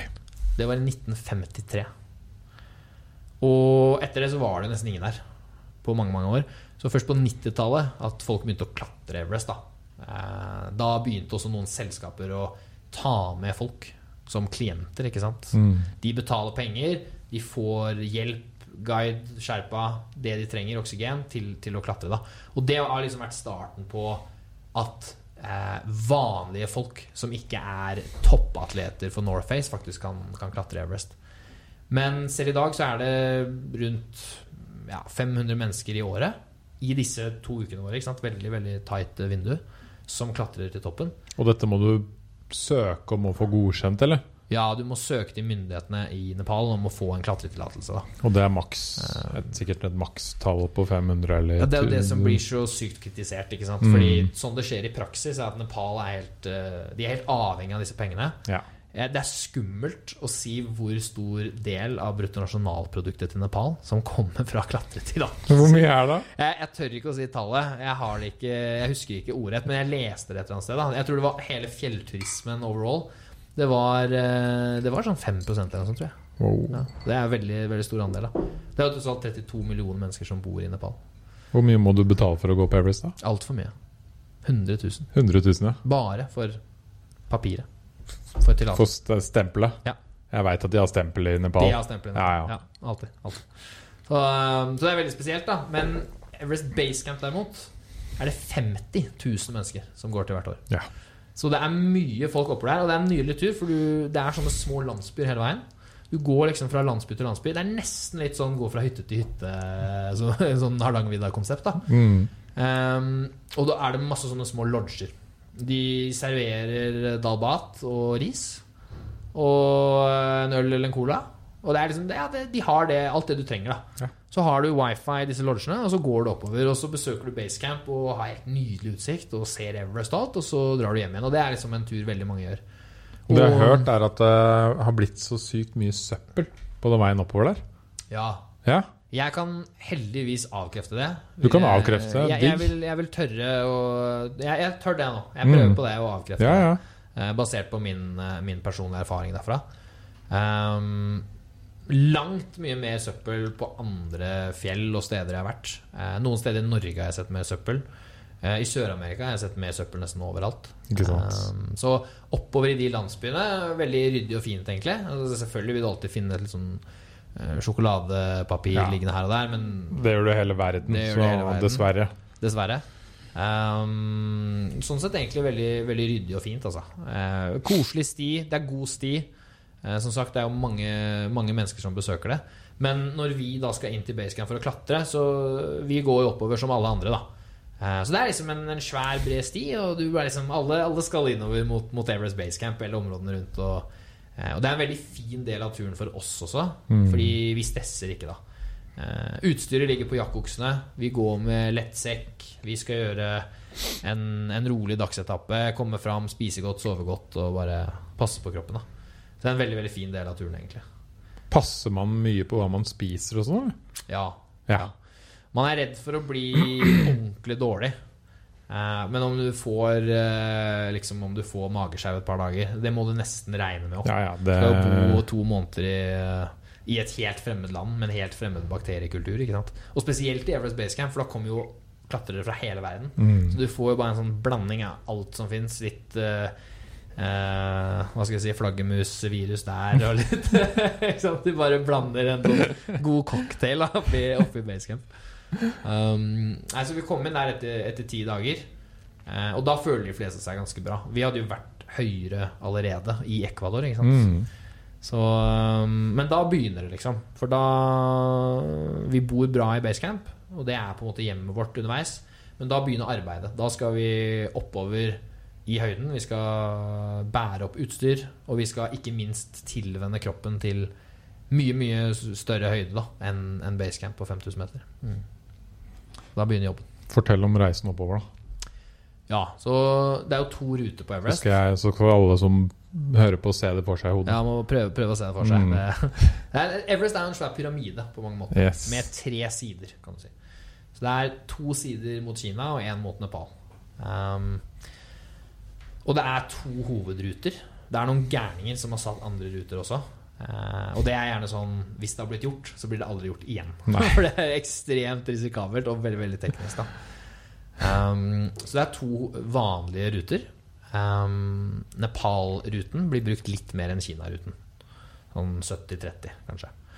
Uh, som sagt, vi ville til Kina-siden, men vi kunne jo ikke. Nei, stemmer. Så på Nepal-siden så uh, Det er på en måte fordeler og ulemper med begge rutene. da Men fra Nepal-siden så er ruten vår sånn at vi til, fra basecamp til den første campen vår Vi har fire camper totalt til toppen, som alle er høyere og høyere opp. Mm. Camp 1, camp 2 til camp 4. Um, og camp, mellom basecamp og camp 1 så skal vi forsere en veldig stor isbre. Den heter Kumbu Icefall, og den er, den er beryktet, da. For den er livsfarlig, rett og slett. Eh, Den er så bratt og rask. Jeg tror det er verdens, en av verdens aller raskeste isbreer, faktisk. Eh, Vi hører den hele tiden. Den, den beveger seg I sesong så beveger den seg to meter i døgnet. Og det er jo mye da for å være en isbre. Um, så du har disse gigantiske isslåttene. Og så er den så svær, så den er jo Når det først blir en bresprekk, de er bunnløse. Og det er et ordentlig sånn krater altså, av isslått og bunnløse sprekker. Og vi skal navigere gjennom det der. Da. Så et eget Sherpa-team hvert år, faktisk. Så da, før så var det et samarbeid mellom lagene. Men de, de siste typ ti årene da, så har det vært liksom et, et eget lag fra, eh, fra Fjellassosiasjonen der nede.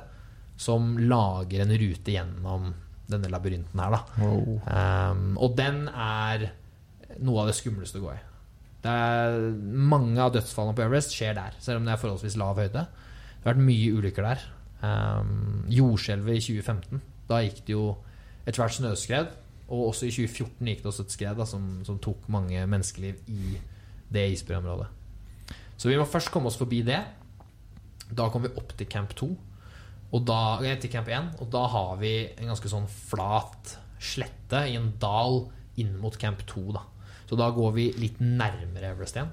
Og da går vi også inn mot Lotse, som er verdens fjerde høyeste fjell. Det er nabofjellet. De ligger liksom rett inntil hverandre. Um, så skal vi rett opp Lotseveggen, så da går vi egentlig ikke mot Everest, men rett opp mot Lotse. Da. Og den er skikkelig bratt. Det er en ja, 45-50 grader uh, isvegg. Det er bare blank is hele veien. Og, og vi skal være rett opp der, da. Og så er det en smart franskmann som bestemte at Camp 3 den skal vi legge akkurat der. så, det, så liksom midt i den fjellsiden så har vi Camp 3, da. uh, og der er det veldig trangt, så det er ofte spa og styre litt for å få, inn, få plass til teltet og sånn. Og så går ruta videre mot Camp 4, som ligger midt mellom verdens fjerde høyeste fjell, Lotse, og Everest. Mm. Og så er det jo da den siste natta, som vi kaller toppnatta, hvor vi da pusher inn i dødssonen fra camp 4. Da går vi i dødssonen hele natta. Opp til toppen, hvis vi er heldige, og ned igjen. Oh. Wow. Så du går på natta? Sorry? Man går på natta? Vi går på natta. Det er bare. Ja. Um, det er flere grunner til det, men det er litt mest pga. sikkerheten. Hvis noe går gærent, så får vi da dagslys og varme som vi kan gå ned i. Så typisk, eh, De typiske ulykkene i Norge også? Det er jo når du går hele dagen, er dritsliten på kvelden, så brekker du beinet, det blir dårlig vær. Alt skjer på en gang, og så blir det i tillegg mørkt og kaldt. Da har du liksom alle faktorene mot deg. da Så tanken er at hvis noe skjer, så får du den varmen og, og dagslyset til å komme deg ned. Um, så det er ruta, men vi brukte jo mye tid bare på å gå da Gå gjennom isfallet, legge fra oss utstyr, gå ned igjen. Vende oss til ruta, vende oss til høyden. Uh, og så hadde vi én såkalt rotasjon, hvor vi går veldig høyt. da um, Og da gikk vi basecamp til camp 1, neste dag til camp 2. Og neste dag så gikk vi helt opp til camp 3. Touchet den. Vi bare hadde en lunsj og litt drikke der. Så gikk vi ned igjen til camp 2, så helt ned til basecamp. da Og det er for å stimulere kroppen. Vi kunne gått enda høyere også, men på Everest så bruker vi jo kunstig oksygen. Yes. Yes. Så tanken her var at vi skulle Vi touchet Camp 3 uten kunstig oksygen. Og hvis det gikk bra, da ville vi stimulere kroppen så mye, lage så mye røde blo- røde- røde blodlegemer, at vi virkelig kunne gå helt opp til toppen neste gang. Så, så vi gjorde det. Kom oss ned. Eh, Da lå vi bare i basecamp og hvilte og sov og prøvde å spise. Det er tøft for kroppen. Altså, Ja. du, du driter jo løst i to måneder. Ja. det er litt den stilen der. Um, men da ventet vi egentlig bare på været, og når været da til slutt kom, så, så gikk vi for det. Og da var det bare å gønne på. Mm. Hvor lang tid tar det da? Og da går Fra- vi Vi går ca. én camp per dag, da. Ja. Så vi hoppet over camp 1, faktisk. Så vi hadde en veldig lang, tøff dag. Vi gikk rett fra basecamp til camp 2. Brukte ti timer på det. Um, kom fram der. Da var jeg sliten og dehydrert. Så hadde vi en god natts søvn. Så gikk vi videre til camp 3 dagen etter. Det var kanskje Det var kanskje den tøffeste dagen på hele ekspedisjonen for min del. For da er du på over 7000 meter uten oksygen. Og det Jeg hadde jo ikke brukt kunstig oksygen før, Nei. men etter at jeg skudde på den Du blir litt Supermann, altså. Fordi du, det er jo det beste drugget du kan få. Det er jo Mm. ren O2 inn i blodet. Uh, du blir helt gira. Og du kan liksom klemme ut det siste, da. Så vi gikk um, da, da koblet vi på oksygenmasken på kvelden i Camp 3. Og så sov vi med oksygen, for det hjelper deg også Mm. å hvile. da Det er veldig viktig at du får eh, sove godt. Så da sov vi med oksygen og gikk videre mot Camp 4 dagen etter. Og da følte jeg meg som en, en ny mann, altså. Ja. Da kunne jeg trykke på. Og da, men da følte jeg meg også, også ekstra bra, for da, da gikk jeg fra hele laget. Og eh, det var en ganske busy dag med mye folk på, eh, på ruta oppover. Og da bare passerte jeg folk hele dagen. Og så kom jeg opp i rekordtid. Brukte fire og en halv time opp til camp 4. Kom fram der eh, allerede sånn klokka ett-to på, på ettermiddagen. Og uh, opp med telt, inn og bare begynne å hvile for det siste siste støtet helt opp til toppen. Og Det var en stor milepæl i seg selv. Ja. Å komme opp til 8000 meter. Og, uh, bare den utsikten. Vi så ned på, på fjell som var over 7000 meter. Det var helt surrealistisk. ikke sant? Så det var utrolig. Og så eh, begynte jo da det som ja, kanskje er den tøffeste natten i mitt liv. Da, rett og slett. Den siste toppnatten der. Veldig, veldig spesielt. Um, hele laget kom opp. Vi samlet oss uh, ja, Kanskje rundt klokken fem var vi fullt lag. Og fordi vi går Så er det natten, 1000 meter igjen, da. det er 1000 meter igjen, Ja. røftlig, sant? 900 høydemeter eller noe sånt nå. Uh, og her er ruten også litt teknisk, da. Vi skal over noen egger, og, og det er ganske, ganske Hvor bratt. bratt, da? Ikke brattere enn Lotseveggen, i hvert fall. Nei. Så det er ingenting som er sånn 70-80 grader og sånn. Det, det er jo basically en loddrett vegg, ikke sant. Eh, men det er, det er sånn 45-50 grader på det bratteste. Eh, så vi går jo tau hele veien. Det gjør vi. Eh, og da ventet vi til åtte på kvelden.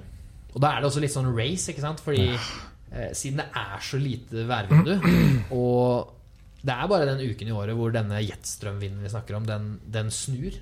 For monsunen kommer fra India, så snur den. Men det er så vilt. Det er helt, det er helt, og vi er liksom avhengig av det. Det gigantiske værsystemet som snur. Og da går vinden ned.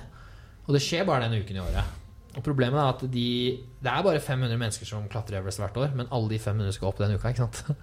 Og da får du disse syke bildene hvor du ser kø og problematikk Mm. på vei opp. da Det var vi redd for. Men vi var ikke så mange i Camp 4 den natta. Vi hadde bevisst valgt en litt dårligere dag, med litt mer vind. Litt mer sånn norske, barske forhold. Vet Ja. Med- Kommer de norske gutta. Ja, ja, viktig. Eh, hvor, hvor det da ikke var så mange Det var rett og slett ikke så mange som, som ønsket å prøve seg den dagen. Så vi var 36 stykker som forlot eh, Camp 4 mot toppen. Og, eh, og selv om vi begynte åtte på kvelden, som er veldig tidlig, skal jo gå gjennom hele natta, liksom, så var vi fortsatt sent ute i forhold til de andre. Da. Jeg tror vi var Vi hadde 20-25 personer foran oss da vi begynte å gå. Um, og jeg gikk sammen med en sherpa som het Sering. Så vi, hadde, vi var seks stykker på et lag, pluss noen sherpaer. Um, både jeg og Sering følte oss bra. Og dagen før hadde jeg gått fra gruppen og tenkte at uh, Altså, jeg føler meg bra. Jeg, jeg vil toppe mine egne sjanser til å nå toppen. La oss gønne på. Så vi, vi valgte å gjøre det samme, da. Og bare ga bånn gass, egentlig. Det går jo ikke akkurat så veldig fort. da Det er litt sånn skilpaddefart eh, uansett. Men Bånn gass er liksom tusle ja. oppover. ta liksom tre gode pust for hvert steg. Og det er, det er jo den stilen her. Mm. Virkelig sakte. da Kan bruke en time på å gå 100 høydemeter. Ikke sant? Ja. Uh, mens her nede så kan jeg løpe det på, på seks minutter. på en måte Det er jo Vilt å tenke på. Det er helt vilt. Det er helt vilt. Um, så det går veldig veldig sakte, men vi, vi ga gass, da. Jeg følte meg veldig bra, og vi begynte å passere folk. Og så holdt vi bare flyten. Ehm, Jeg var ordentlig sliten. Jeg begynte å bli fysisk sliten etter hvert også. Vi gikk nok litt for fort, kanskje, egentlig. Men jeg fikk jo det derre Det blir sånn engelsk setter for mm. mindsetet. Nå skal du bare opp uansett hva, ikke sant. Ehm, og det skumleste var at jeg hadde en sånn trang for å legge meg ned og hvile hele tida. Du er så utrolig utmattet. Du er liksom ikke full av melkesyre, men lårmuskulaturen brenner fordi den alltid får for lite næring og for lite oksygen. Mm. Og så huet ditt er så slitent at du hele tiden har lyst til å, å bare legge deg ned og sove. Og du vet at hvis du legger deg ned i en snøfonn her og sovner her, da er det game over. Ja. Da blir du en del av fjellet for alltid. Uh, ingen kan fly og hente deg på den høyden. Ingen kan bære deg ned. De har mer enn nok med seg sjøl. Så det er litt sånn saying når du er i dødssonen. Enten så går du ned for egen maskin, eller så går du ikke ned. Nei.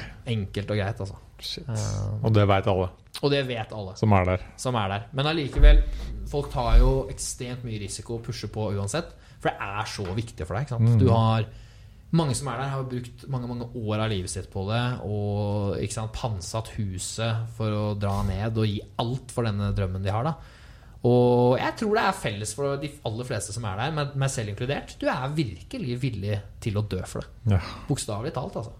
Og jeg hadde tenkt gjennom det mange, mange ganger.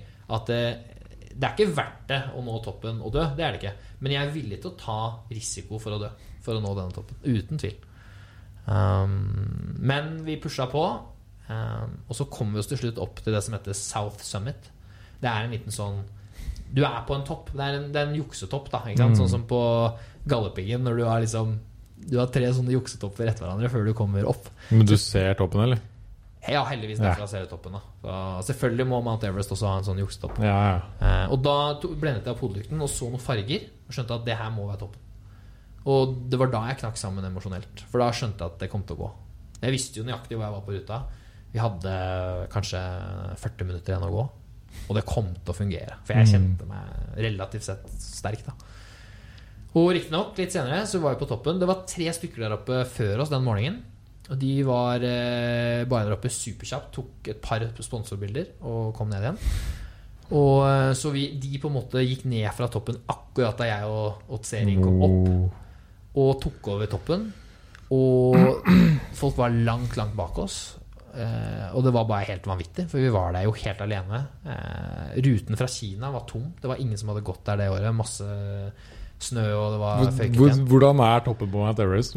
Er det stort? Er det, Det, det jeg jeg syns det var veldig majestetisk for å være Everest. At det, det passet godt til Everest å ha en veldig markert topp. mm. Det er et lite område, et lite kjøkkenbord. Det er toppen. Det er toppen, ja. Det er det aller, aller høyeste punktet. Det er ikke stupbratt på alle sidene, men eh, Det er en ordentlig topp, Men det er en liksom. ordentlig spiss topp, kan du si. Ja. Og så er det et lite område rundt der, sant? hvor du gjerne kan Du går jo ned på kne, og du må jo passe på at du holder deg sikra der. Mm. så det er noen som har satt inn et snøanker, så vi kunne koble oss inn på det snøankeret. Da hadde vi jo en sikkerhetsline. Men ned mot Tibet så er det jo Det er 3000 meter rett ned. Så utrolig, utrolig luftig.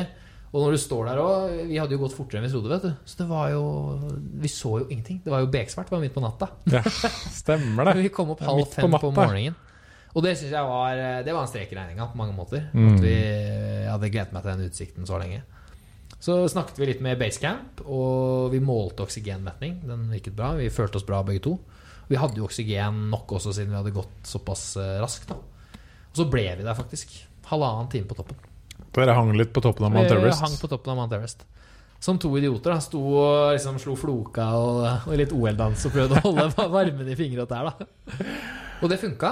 Ja. Um, vi ble der faktisk i halvannen time. fy Og vi hadde toppen helt for oss selv hele perioden. Og fikk da se soloppgangen Wow. opp over Tibet. Var helt hinsides naturopplevelse.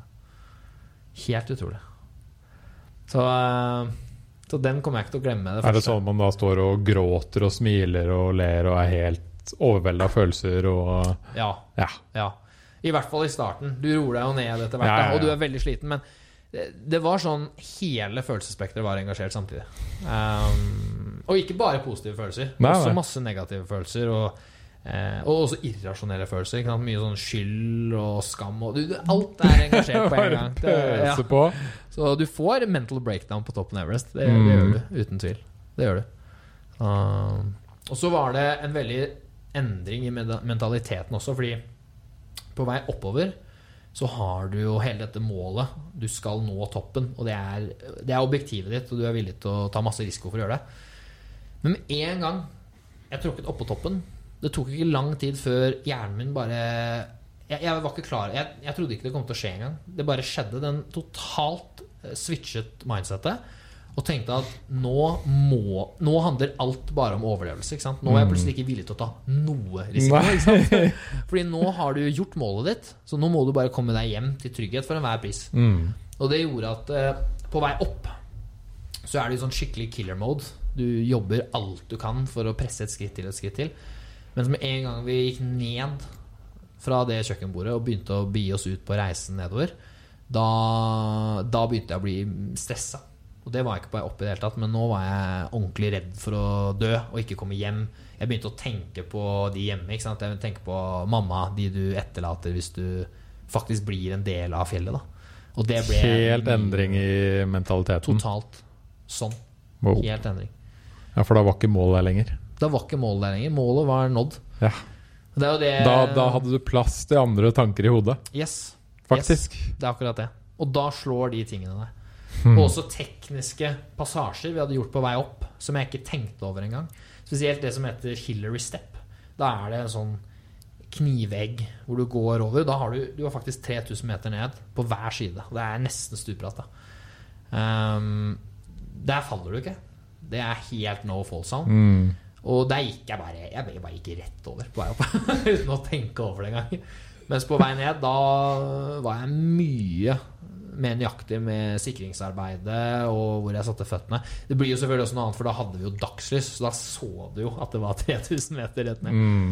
Men det gjør noe med det, altså. Og så var det en del av meg som jeg selvfølgelig hadde forberedt meg på, men som du aldri kan forberede deg nok på. Det var jo at dagslyset plutselig viste oss døde kropper på fjellet Wow. på vei ned. Og det ble Det også preget meg veldig på vei ned fra toppen. Uh, for det er jo Det er jo en del folk som ligger igjen der, rett og slett. De Hvor mange, hvor, hvordan Du blir jo ikke henta ned Nei. fra dødssonen. Um, og Hvor gjennom- mange så du, liksom? Gjennom alle tidene så har det jo dødd nesten 300 mennesker på Everest. Som, og mange av dem er fortsatt på fjellet. Eh, på vei ned så talte jeg fem personer Ja. som var godt synlig fra ruta da. Eh, og mange av dem har jo ligget der veldig, veldig lenge. Um, men du blir jo også Du blir jo ivaretatt av fjellet. Det er så kaldt, det er så hardt vær, men samtidig veldig lite nedbør. Så disse likene blir liggende synlig i 20-40-50 år. Ja. De har jo funnet mange tusen år gamle lik i isbreer og Ikke sant? Det er akkurat det. Eh, de blir sånn voksaktige, men det er, det er veldig creepy, fordi de eh, De blir jo mumifisert. Ja. Så de ser jo selvfølgelig ikke levende ut, men uh, huden er jo der. Alt er jo der, intakt, ikke sant? Um, men selvfølgelig, du ser jo eh, Du ser jo mest bare en skikkelse i klatreutstyr. Mm. Men det var det som kanskje også gikk mest innpå meg. For jeg hadde jo, jeg hadde jo sett et lik på Aconcagua allerede ikke sant, noen år før. Um, og forberedt meg på å se lik her. Men det som gjorde det så sykt, og så sterkt emosjonelt, da, det var jo at de lå der i den samme jævla dundressen jeg hadde på. Mm. Den gule Northface-dundressen. Mm. 2010-modellen. ikke sant? Og det bare Det ga meg en skikkelig støkk, da. Tenk at her er det en person som har hatt akkurat den samme driven, samme forberedelsene, vært like villig til å nå toppen, og så ligger den personen igjen her. Og jeg er ikke i sikkerhet ennå. Det var veldig rart. Du sitter jo her i dag, Heldigvis. så du kom deg ned. Jeg kom meg ned. Jeg gjorde det. Um, alt gikk bra. Um, jeg var veldig sliten på vei ned. Og det er også det de sier at uh, uh, When you're at the summit, you're only halfway. Og det er veldig sant, altså. Um, de fleste ulykkene skjer på vei ned, så det var en stor stor lettelse å komme ned. Selv om jeg hadde følt meg bra på vei opp, så var jeg ordentlig ordentlig sliten på vei ned. Um, men jeg kom jo tidlig ned til camp 4, allerede klokken åtte på morgenen. Um, og, og der hadde jeg jo en ny oksygenflaske Ja, ikke sant. Og jeg og Tsering satte oss der, og vi kokte opp vann og lagde litt nudler. Og da hadde vi liksom kontroll på situasjonen. Um, og så var det litt dårlig vær, så vi bestemte oss faktisk for å bli der en natt til. Så vi Ja. sov en natt til i dødssonen før vi så gikk ned til camp 2 neste dag. Og, og når vi dagen etter det gikk gjennom isfallet og kom helt ned til basecamp, da følte jeg meg helt trygg. Da var jeg Bare det at det liksom heter dødssonen, Yes, det sier jo alt. yes det gjør det. Um, Og det ligger lik der. ja. Du vet at uh, du kommer deg ikke ned hvis du ikke går selv. Nei. Men så vet du også at uh, det heter dødssonen fordi det er ingen som har overlevd deg mer enn fire-fem dager. ikke sant? Det her er eh, dødssonen av en grunn, og det kjente jeg på kroppen også. Uh, Jeg hadde jo av masken på toppen i nesten en halvtime. Jeg tok av oksygenmasken. Og det preger kroppen ekstremt. Altså. Hvordan var det å puste da? Da var jeg helt i ro. Ja. Så da, Det er den eneste grunnen til at det gikk. Eh, Men det er jo noen gærninger som har nådd toppen Everest uten ja, oksygen også. det har jeg hørt. All ære til dem. Um, for å bevege seg uten oksygen på den høyden, det, det virket så ekstremt. Men samtidig fascinerende, og noe som inspirerer meg. da så, Det er jo ikke utenkelig at, eh, at, eh, at jeg kanskje lager noen nye mål eh, fremover. Men, eh, men det er ekstremt dyrt. 32% er det på toppen av det vi har her nå. Så du må puste tre ganger for å Tre ganger for, å få det samme. Mm. Shit. Men da hadde du jo nådd Gratulerer, forresten. Ja, takk. Det er jo helt konge. Ja, takk. Det er en sinnssykt fet historie. Da var du 25 år? Da var jeg 24. 24 år? Jeg fylte 24 i basecamp. Boom! Vi hadde kake og greier i basecamp. Da tok jeg faktisk en øl. Da var jeg guilty. Ja. Jeg drakk én øl på Everest-ekspedisjonen. Det var på bursdagen min. Ja. Det fortjener du. 24 år og har gått Everest. Ja. Det er fett. ja, det var kult. Det var veldig, veldig stort. Det er inspirerende. Det var veldig stort. Mm. Mm. Hva skjedde da når du hadde nådd dette sinnssyke sto... Altså, det er ikke noe høyere fjell. Hva begynte du å tenke liksom etter den tiden der? Når du hadde klart dette målet og Det, det var veldig rart, for jeg var ikke forberedt på det. Eh, hva som kom til å skje etterpå. Eller la meg si det sånn, jeg hadde ikke tenkt på hva som kom til å skje etterpå. Fordi jeg var så målrettet. Jeg hadde skylappene på. Um, jeg var villig til å gi alt for dette målet. Jeg ga alt for det målet.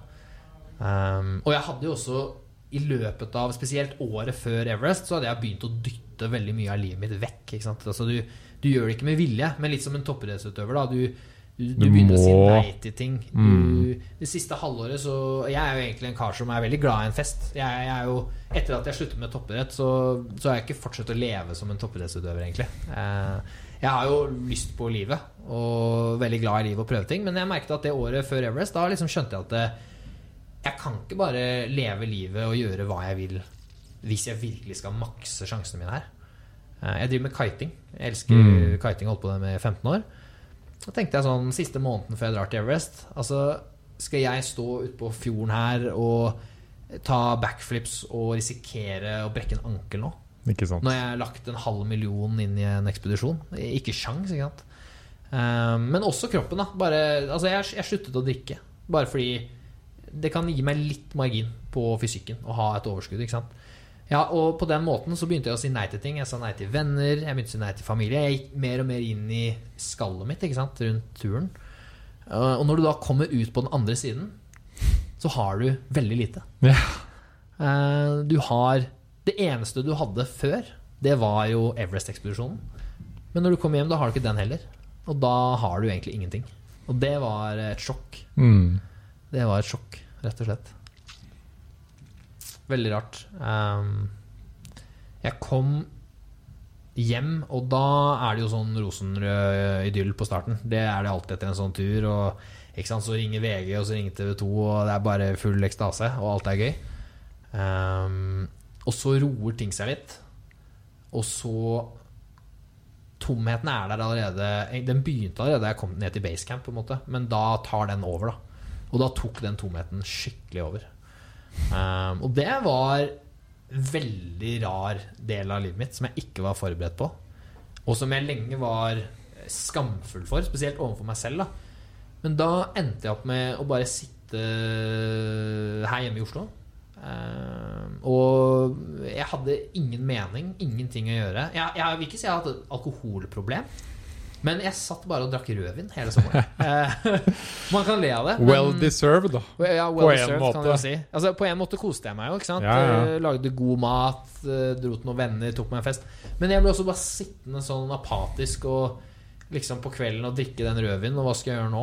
Altså, Hva, hva driver meg for å, å gå ut og jogge, da? Mm. Hva er poenget med å være i god form i det hele tatt? Det, var, det var så lite mening med noe som helst. Um, og, Og som det var i fjor? Ja, Var det ikke var, det? ja, det var sommeren 2019, da. Ja. Så okay, ja. snart to år siden, ikke sant. Ja. Mm. Og eh, jeg merket også noe som var veldig veldig skummelt. Litt som du sier, altså hva, Everest er jo det høyeste fjellet. Så da de andre tingene jeg hadde i livet mitt Jeg hadde jo mange praktiske ting. Jeg skulle jo fullføre studiet mitt, jeg skulle få meg en jobb, alle de tingene der. De ble liksom ikke så viktige. De ble helt overskygget av at jeg hadde nådd det målet, ikke sant. Um, og da ga plutselig ikke de tingene mening heller. Og da kommer du inn i en veldig negativ spiral, altså, med mye negativitet. Um, så det eneste som, som fikk meg ut av det, det var jo at jeg heldigvis hadde flere topper igjen. Jeg hadde jo to topper igjen. Og klarte å få på meg skylappene og gønne videre, da. Eh, men det varte jo bare enn så lenge. Ja, ja. Det var jo det var brannslukking, kan du si. Yes. Um, og så brukte jeg jo da et halvt år til på de to siste toppene. Den siste toppen gjorde jeg i januar 2020. Eh, halvannet år siden. Det var da eh, Mount Vincent på Antarktis. Så det var også en, en veldig krevende tur å planlegge. da Å komme seg ned dit. Eh, alt gikk bra. Jeg nådde toppen, og den symboliserte jo da mye mer enn bare å ha nådd en ny fjelltopp på et nytt kontinent. Mm. Da hadde jeg faktisk fullført Seven Summits. Og da var jeg igjen i, i helt i ekstase. Det var eh, Mount Everest-mestringen all over again. Yes. Um, og da ringte jo igjen VG og TV 2. Og jeg var med på Senkveld med Abid Raja, og det var full fest. ikke sant? Og så eh, går det en måned, og så smeller korona. Og så sitter jeg alene på en hybel oppe i Trondheim, og da skal jeg skrive masteroppgaven min. Da. Ja. Um, og da traff denne meningsløsheten jeg kjente etter Everest, bare ti ganger hardere. Um, og helt siden det så har jeg havnet i en eh, Ja, en mental ustabilitet da, som jeg fortsatt ikke har klart å rette opp. Uh, og som har preget meg veldig det siste året. Ikke så mye nå, men jeg er fortsatt ikke helt i vater og tilbake i det Ikke noe i nærheten av det mindsetet jeg hadde før jeg la ut på disse turene. Så det har vært eh, veldig interessant selvrefleksjon det siste året. Mm. Um, det har vært mange tøffe dager. Hvor jeg har vært eh, Jeg har jo ikke hatt en medisinsk depresjon. Det vil jeg ikke si. Um, det har jeg ikke fått heller. Det har jo i tillegg vært covid, da. Det har vært covid. Så det, alle har hatt Alle har tøffe dager det siste tøffe, året. ja. Ja. Det har preget alle uten tvil. eh, og alle har hatt det tøft på sin måte. Mm. For meg har det vært tøft som en kar som har vært vant til å ha 200 reisedager i året. Ja. Så, så den Det å ha hjemmekontor har, har på en måte Det har preget hverdagssituasjonen min ekstremt mye da i forhold til hva jeg var vant til fra før. Um, men etter det året her så har jeg reflektert mye over at covid har jo vært en medvirkende årsak. Men det er tomheten etter disse turene som virkelig har, eh, har sendt meg ut da, på, på denne mentale reisen det siste året.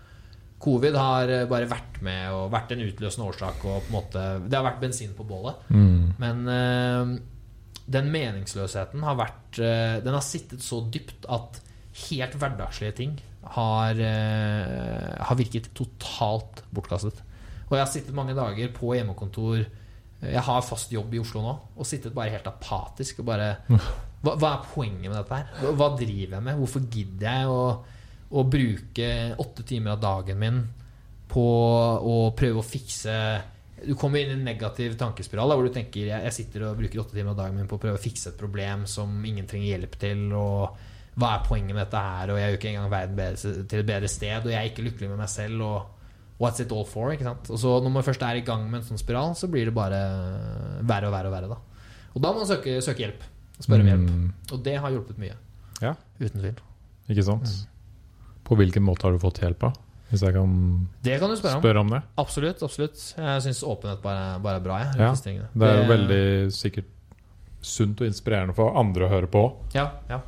Uh, men jeg, jeg prater om dette under foredragene mine også. Og det er mange som sier det, at det, liksom, um, det hjelper dem å høre en person som meg si det og snakke om de tingene. Men det har hjulpet meg masse også, å være åpen rundt det. da Så jeg har fått masse hjelp bare fra, fra venner og kjente. da Fra de som står meg nært, og som kjenner meg godt. Men i høst så gikk jeg også til psykolog. For bare å prate om ting og få noen det var ikke sånn at jeg følte jeg måtte gå til en psykolog, men jeg hørte masse bra om det. Jeg har mange, mange nære venner som har gått til psykolog, med, med god effekt. da Tenkte at uh, altså, dette her er i hvert fall ikke noe å tape på i et forsøk. Um, og hovedmålet mitt var å få noen mentale verktøy som jeg kunne jobbe med. bare Jobbe med meg selv videre Og det fikk jeg. Det har funket bra. Så, så det har vært en kjempehjelp. Også. Så bra. Ja. Man må ta steg for steg. Man må det. Mm. Hm. Ja, det er mange det er synd, for det er mange som ikke vil ta det psykologsteget. Yes. Det er som, kan være, sånn, som kan hjelpe deg liksom med å få litt nye tanker og litt Altså Du kan rett og slett få litt hjelp da med de tankemønstrene du kanskje sitter fast i. Yes. Bare det å Jeg må være ærlig, jeg, jeg fikk ikke verdens beste kjemi med psykologen min heller. Der tror jeg man må være sykt heldig også, for å liksom treffe. Og jeg tror hvis man skal virkelig få maks ut av sånn type terapi, så må du faktisk ha kjemi altså, med, med psykologen. Ja, absolutt. Ja. Um, men bare det, helt uavhengig av timen hos psykologen, bare det å, å, for min egen del ta steget og ha gjort det, så startet jeg på en måte på hele reisen. Altså, det er liksom det første store steget mot å, å hjelpe deg sjæl. Det er den enkleste måten å akseptere for seg selv at du har At du trenger å starte på denne reisen. Ikke sant? Mm. Da har du liksom satt det i stein og sagt det. Det er litt sånn å kjøpe den flybilletten. Ikke sant? Yes. Og da må du bare begynne å fungere og gjøre resten. Og finne Mm. ut av hva du trenger. Da har du begynt å ta tak Yes, i problemet på en eller annen måte. det er akkurat det. Så bra. Så, og det har funket som bare, bare rakkeren, egentlig. Og først nå, da, de siste par månedene, nå er jeg tilbake i ekstase. Og, er? Og ja, ja, nå føler jeg livet er dritbra. Og, og nå har jeg nye prosjekter òg. Nå har jeg ting som stimulerer meg, og som fugler meg. Mm. Uten tvil. Det, det, selvfølgelig, Der var korona slem, da. For jeg hadde jo eh, en helt ellevill pipeline med kule turer i fjor. Det kan jeg tenke meg. Og alt røk, da. Eh, masse foredrag, masse tapt inntekt òg, som jeg er avhengig av for å finansiere nye prosjekter. Og, så det var liksom eh, Alt var bare på bunnen en Hvor blir neste eventyr, da? Om en uke. Om en uke? Ja. Så jeg var rett før jeg kom shit. inn eh, her, så var jeg på koronatelefonen. jeg prøver desperat å få tak i en, eh, en vaksine nå. Ja, Da er du ikke alene. Jeg tror ikke du Jeg er ikke i riktig gruppe, vet du. Nei. Nei. Og det hjelper ikke å ringe. Det er Ja, vanskelig, i hvert fall. Det, det er, de har en sånn søknadsgreie, da. Så jeg, jeg skal det. søke for gøy. Jeg forventer ikke Prøv. å få et ja, men, eh, Men hva skal du? jeg skal til Pakistan om en uke. Hmm. Og Pakistan er jo nabolandet til Nepal, og har fortsatt eh, Det er nord for Nepal, men grenser jo også fortsatt til Himalaya. Ja. Så Pakistan har den nordligste delen av Himalaya, mens Everest ligger i sør i Nepal. Så skal jeg til området hvor K2 ligger. Ah, K2, Men jeg skal ikke til K2, altså. For det er altfor farlig. Det er alt for farlig. jeg skal til K3, nabofjellet. K3, ja. K3. Broad Peak heter det. Hmm. Så det er også en 8000 meter. Og der er målet å Jeg skal ned med to russere, av alle ting. Og de har liksom et prosjekt Vi snakket jo om dødssonen, da. Og de har jo da kalt prosjektet sitt Death Zone Freeride. Så målet deres er å, å stå på ski i dødssonen. Yes. Eh, og, og komme seg ned. Det er, så det er eh, et veldig ambisiøst prosjekt. Og det som er så hårete med det, det er at de sverger til å ikke bruke oksygen. Da. Så vi Hva med deg, eh, Nei, jeg skal ikke bruke oksygen. Skal ikke det? Så nå skal jeg faktisk prøve å klatre inn i dødssonen over 8000 meter uten oksygen og stå på ski ned. Wow. Så det er et uh, helt annet kaliber enn Everest, da. Et sånt sett hårete mål. Det er jo mye lavere enn Everest. Den her er rett Ja, ja, over ja. 8000. Det er fortsatt er jævlig høyt, da. Det er litt for høyt. Det er litt for høyt, det er det. Så jeg kjenner jo på mye nerver og sommerfugler i magen nå, uten tvil. Det er. Så det blir artig. Altså. Mm. Det høres sykt spennende ut. Det blir veldig kult. Hvis vi får reist. Mm. Du må, hvis du kommer dit på toppen, så må du sende meg et bilde på Instagram. Absolutt. Ja. Det er, vikt, det er kanskje det viktigste å gjøre på toppen. Det er det. det, er det. Uh, vi, har, vi skal ta med mye fotoutstyr. Vi, vi har faktisk med seks russere som bare driver med film. Som skal være i basecamp og lage Fett. dokumentar om uh, turen vår. Wow. Så det kommer til å bli en lang, profesjonell uh, dokumentarfilm om dette. Der. Så det blir råkult. Altså. Dritbra. Ja. Ut på nye eventyr, Ut på nye eventyr. nye mål. Ja. Nå er du kanskje litt mer egna for når du kommer tilbake og har klart det, og ikke går rett ned i kjelleren. Det er akkurat det. Så er jo det jeg liksom eh, ler litt av på, eh, på foredrag òg, da. At eh, jeg kommer tilbake om fem år, skal jeg holde foredrag om, om hva som skjer etter, etter at man har nådd det målet. Ikke sant? For det er veldig veldig interessant. Um, og der, der er mye igjen å lære, da. Mm. Det er det jeg syns er kult, at man hele tiden Det er et kjempegodt sitat at veien er målet. Fordi for oss alle mennesker, livet er jo bare en vei. Det er jo ingenting eh, som varer. Øyeblikkene bare passerer jo hele tiden.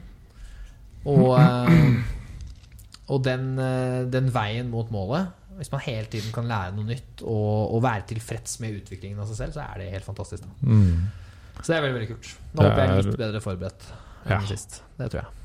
Ja, jeg tror det er utrolig viktig å nyte den veien Yes. fram til målet. Det er veldig viktig. Og ikke minst kanskje tenke litt på hva som skjer etterpå. Yes. Det bør være en litt. del av målet og planleggingen. Ikke sant? For det kommer en dag etterpå. Det gjør det. Det er ingen fjellklatrere som planlegger for å bli igjen på fjellet, i hvert fall. Det, Nei, å klatre fjell kan jo bare være en metafor for alt i livet her, er ikke sant? det. Alle har sin Mount Everest der ute et sted. Mm. Og, og mye av Og et mål i seg selv kan være å finne den Hva er det fjelltoppen i ditt liv? Det kan være et mål i seg selv.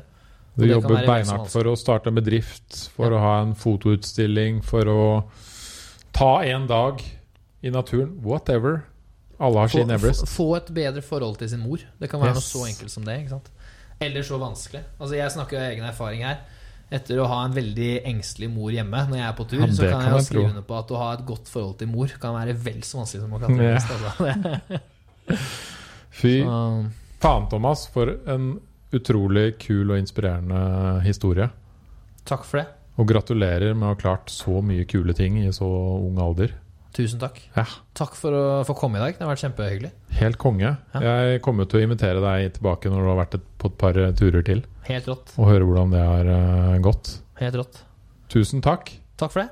Eh, hvis folk vil sjekke deg ut på nettet, hva gjør de da? Eh, Instagram er det enkleste. Thomas Lone heter jeg der. Um, der legger jeg ut alt om turene fortløpende. Og så ender en eller annen gang etter sommeren Så kan du også gå inn på thomaslone.no. Men uh, det er still work in progress. Ikke sant? så vi får se. Veldig bra. Takk for praten og inspirasjonen. Og ha masse lykke til på reisen din til Pakistan. Tusen takk.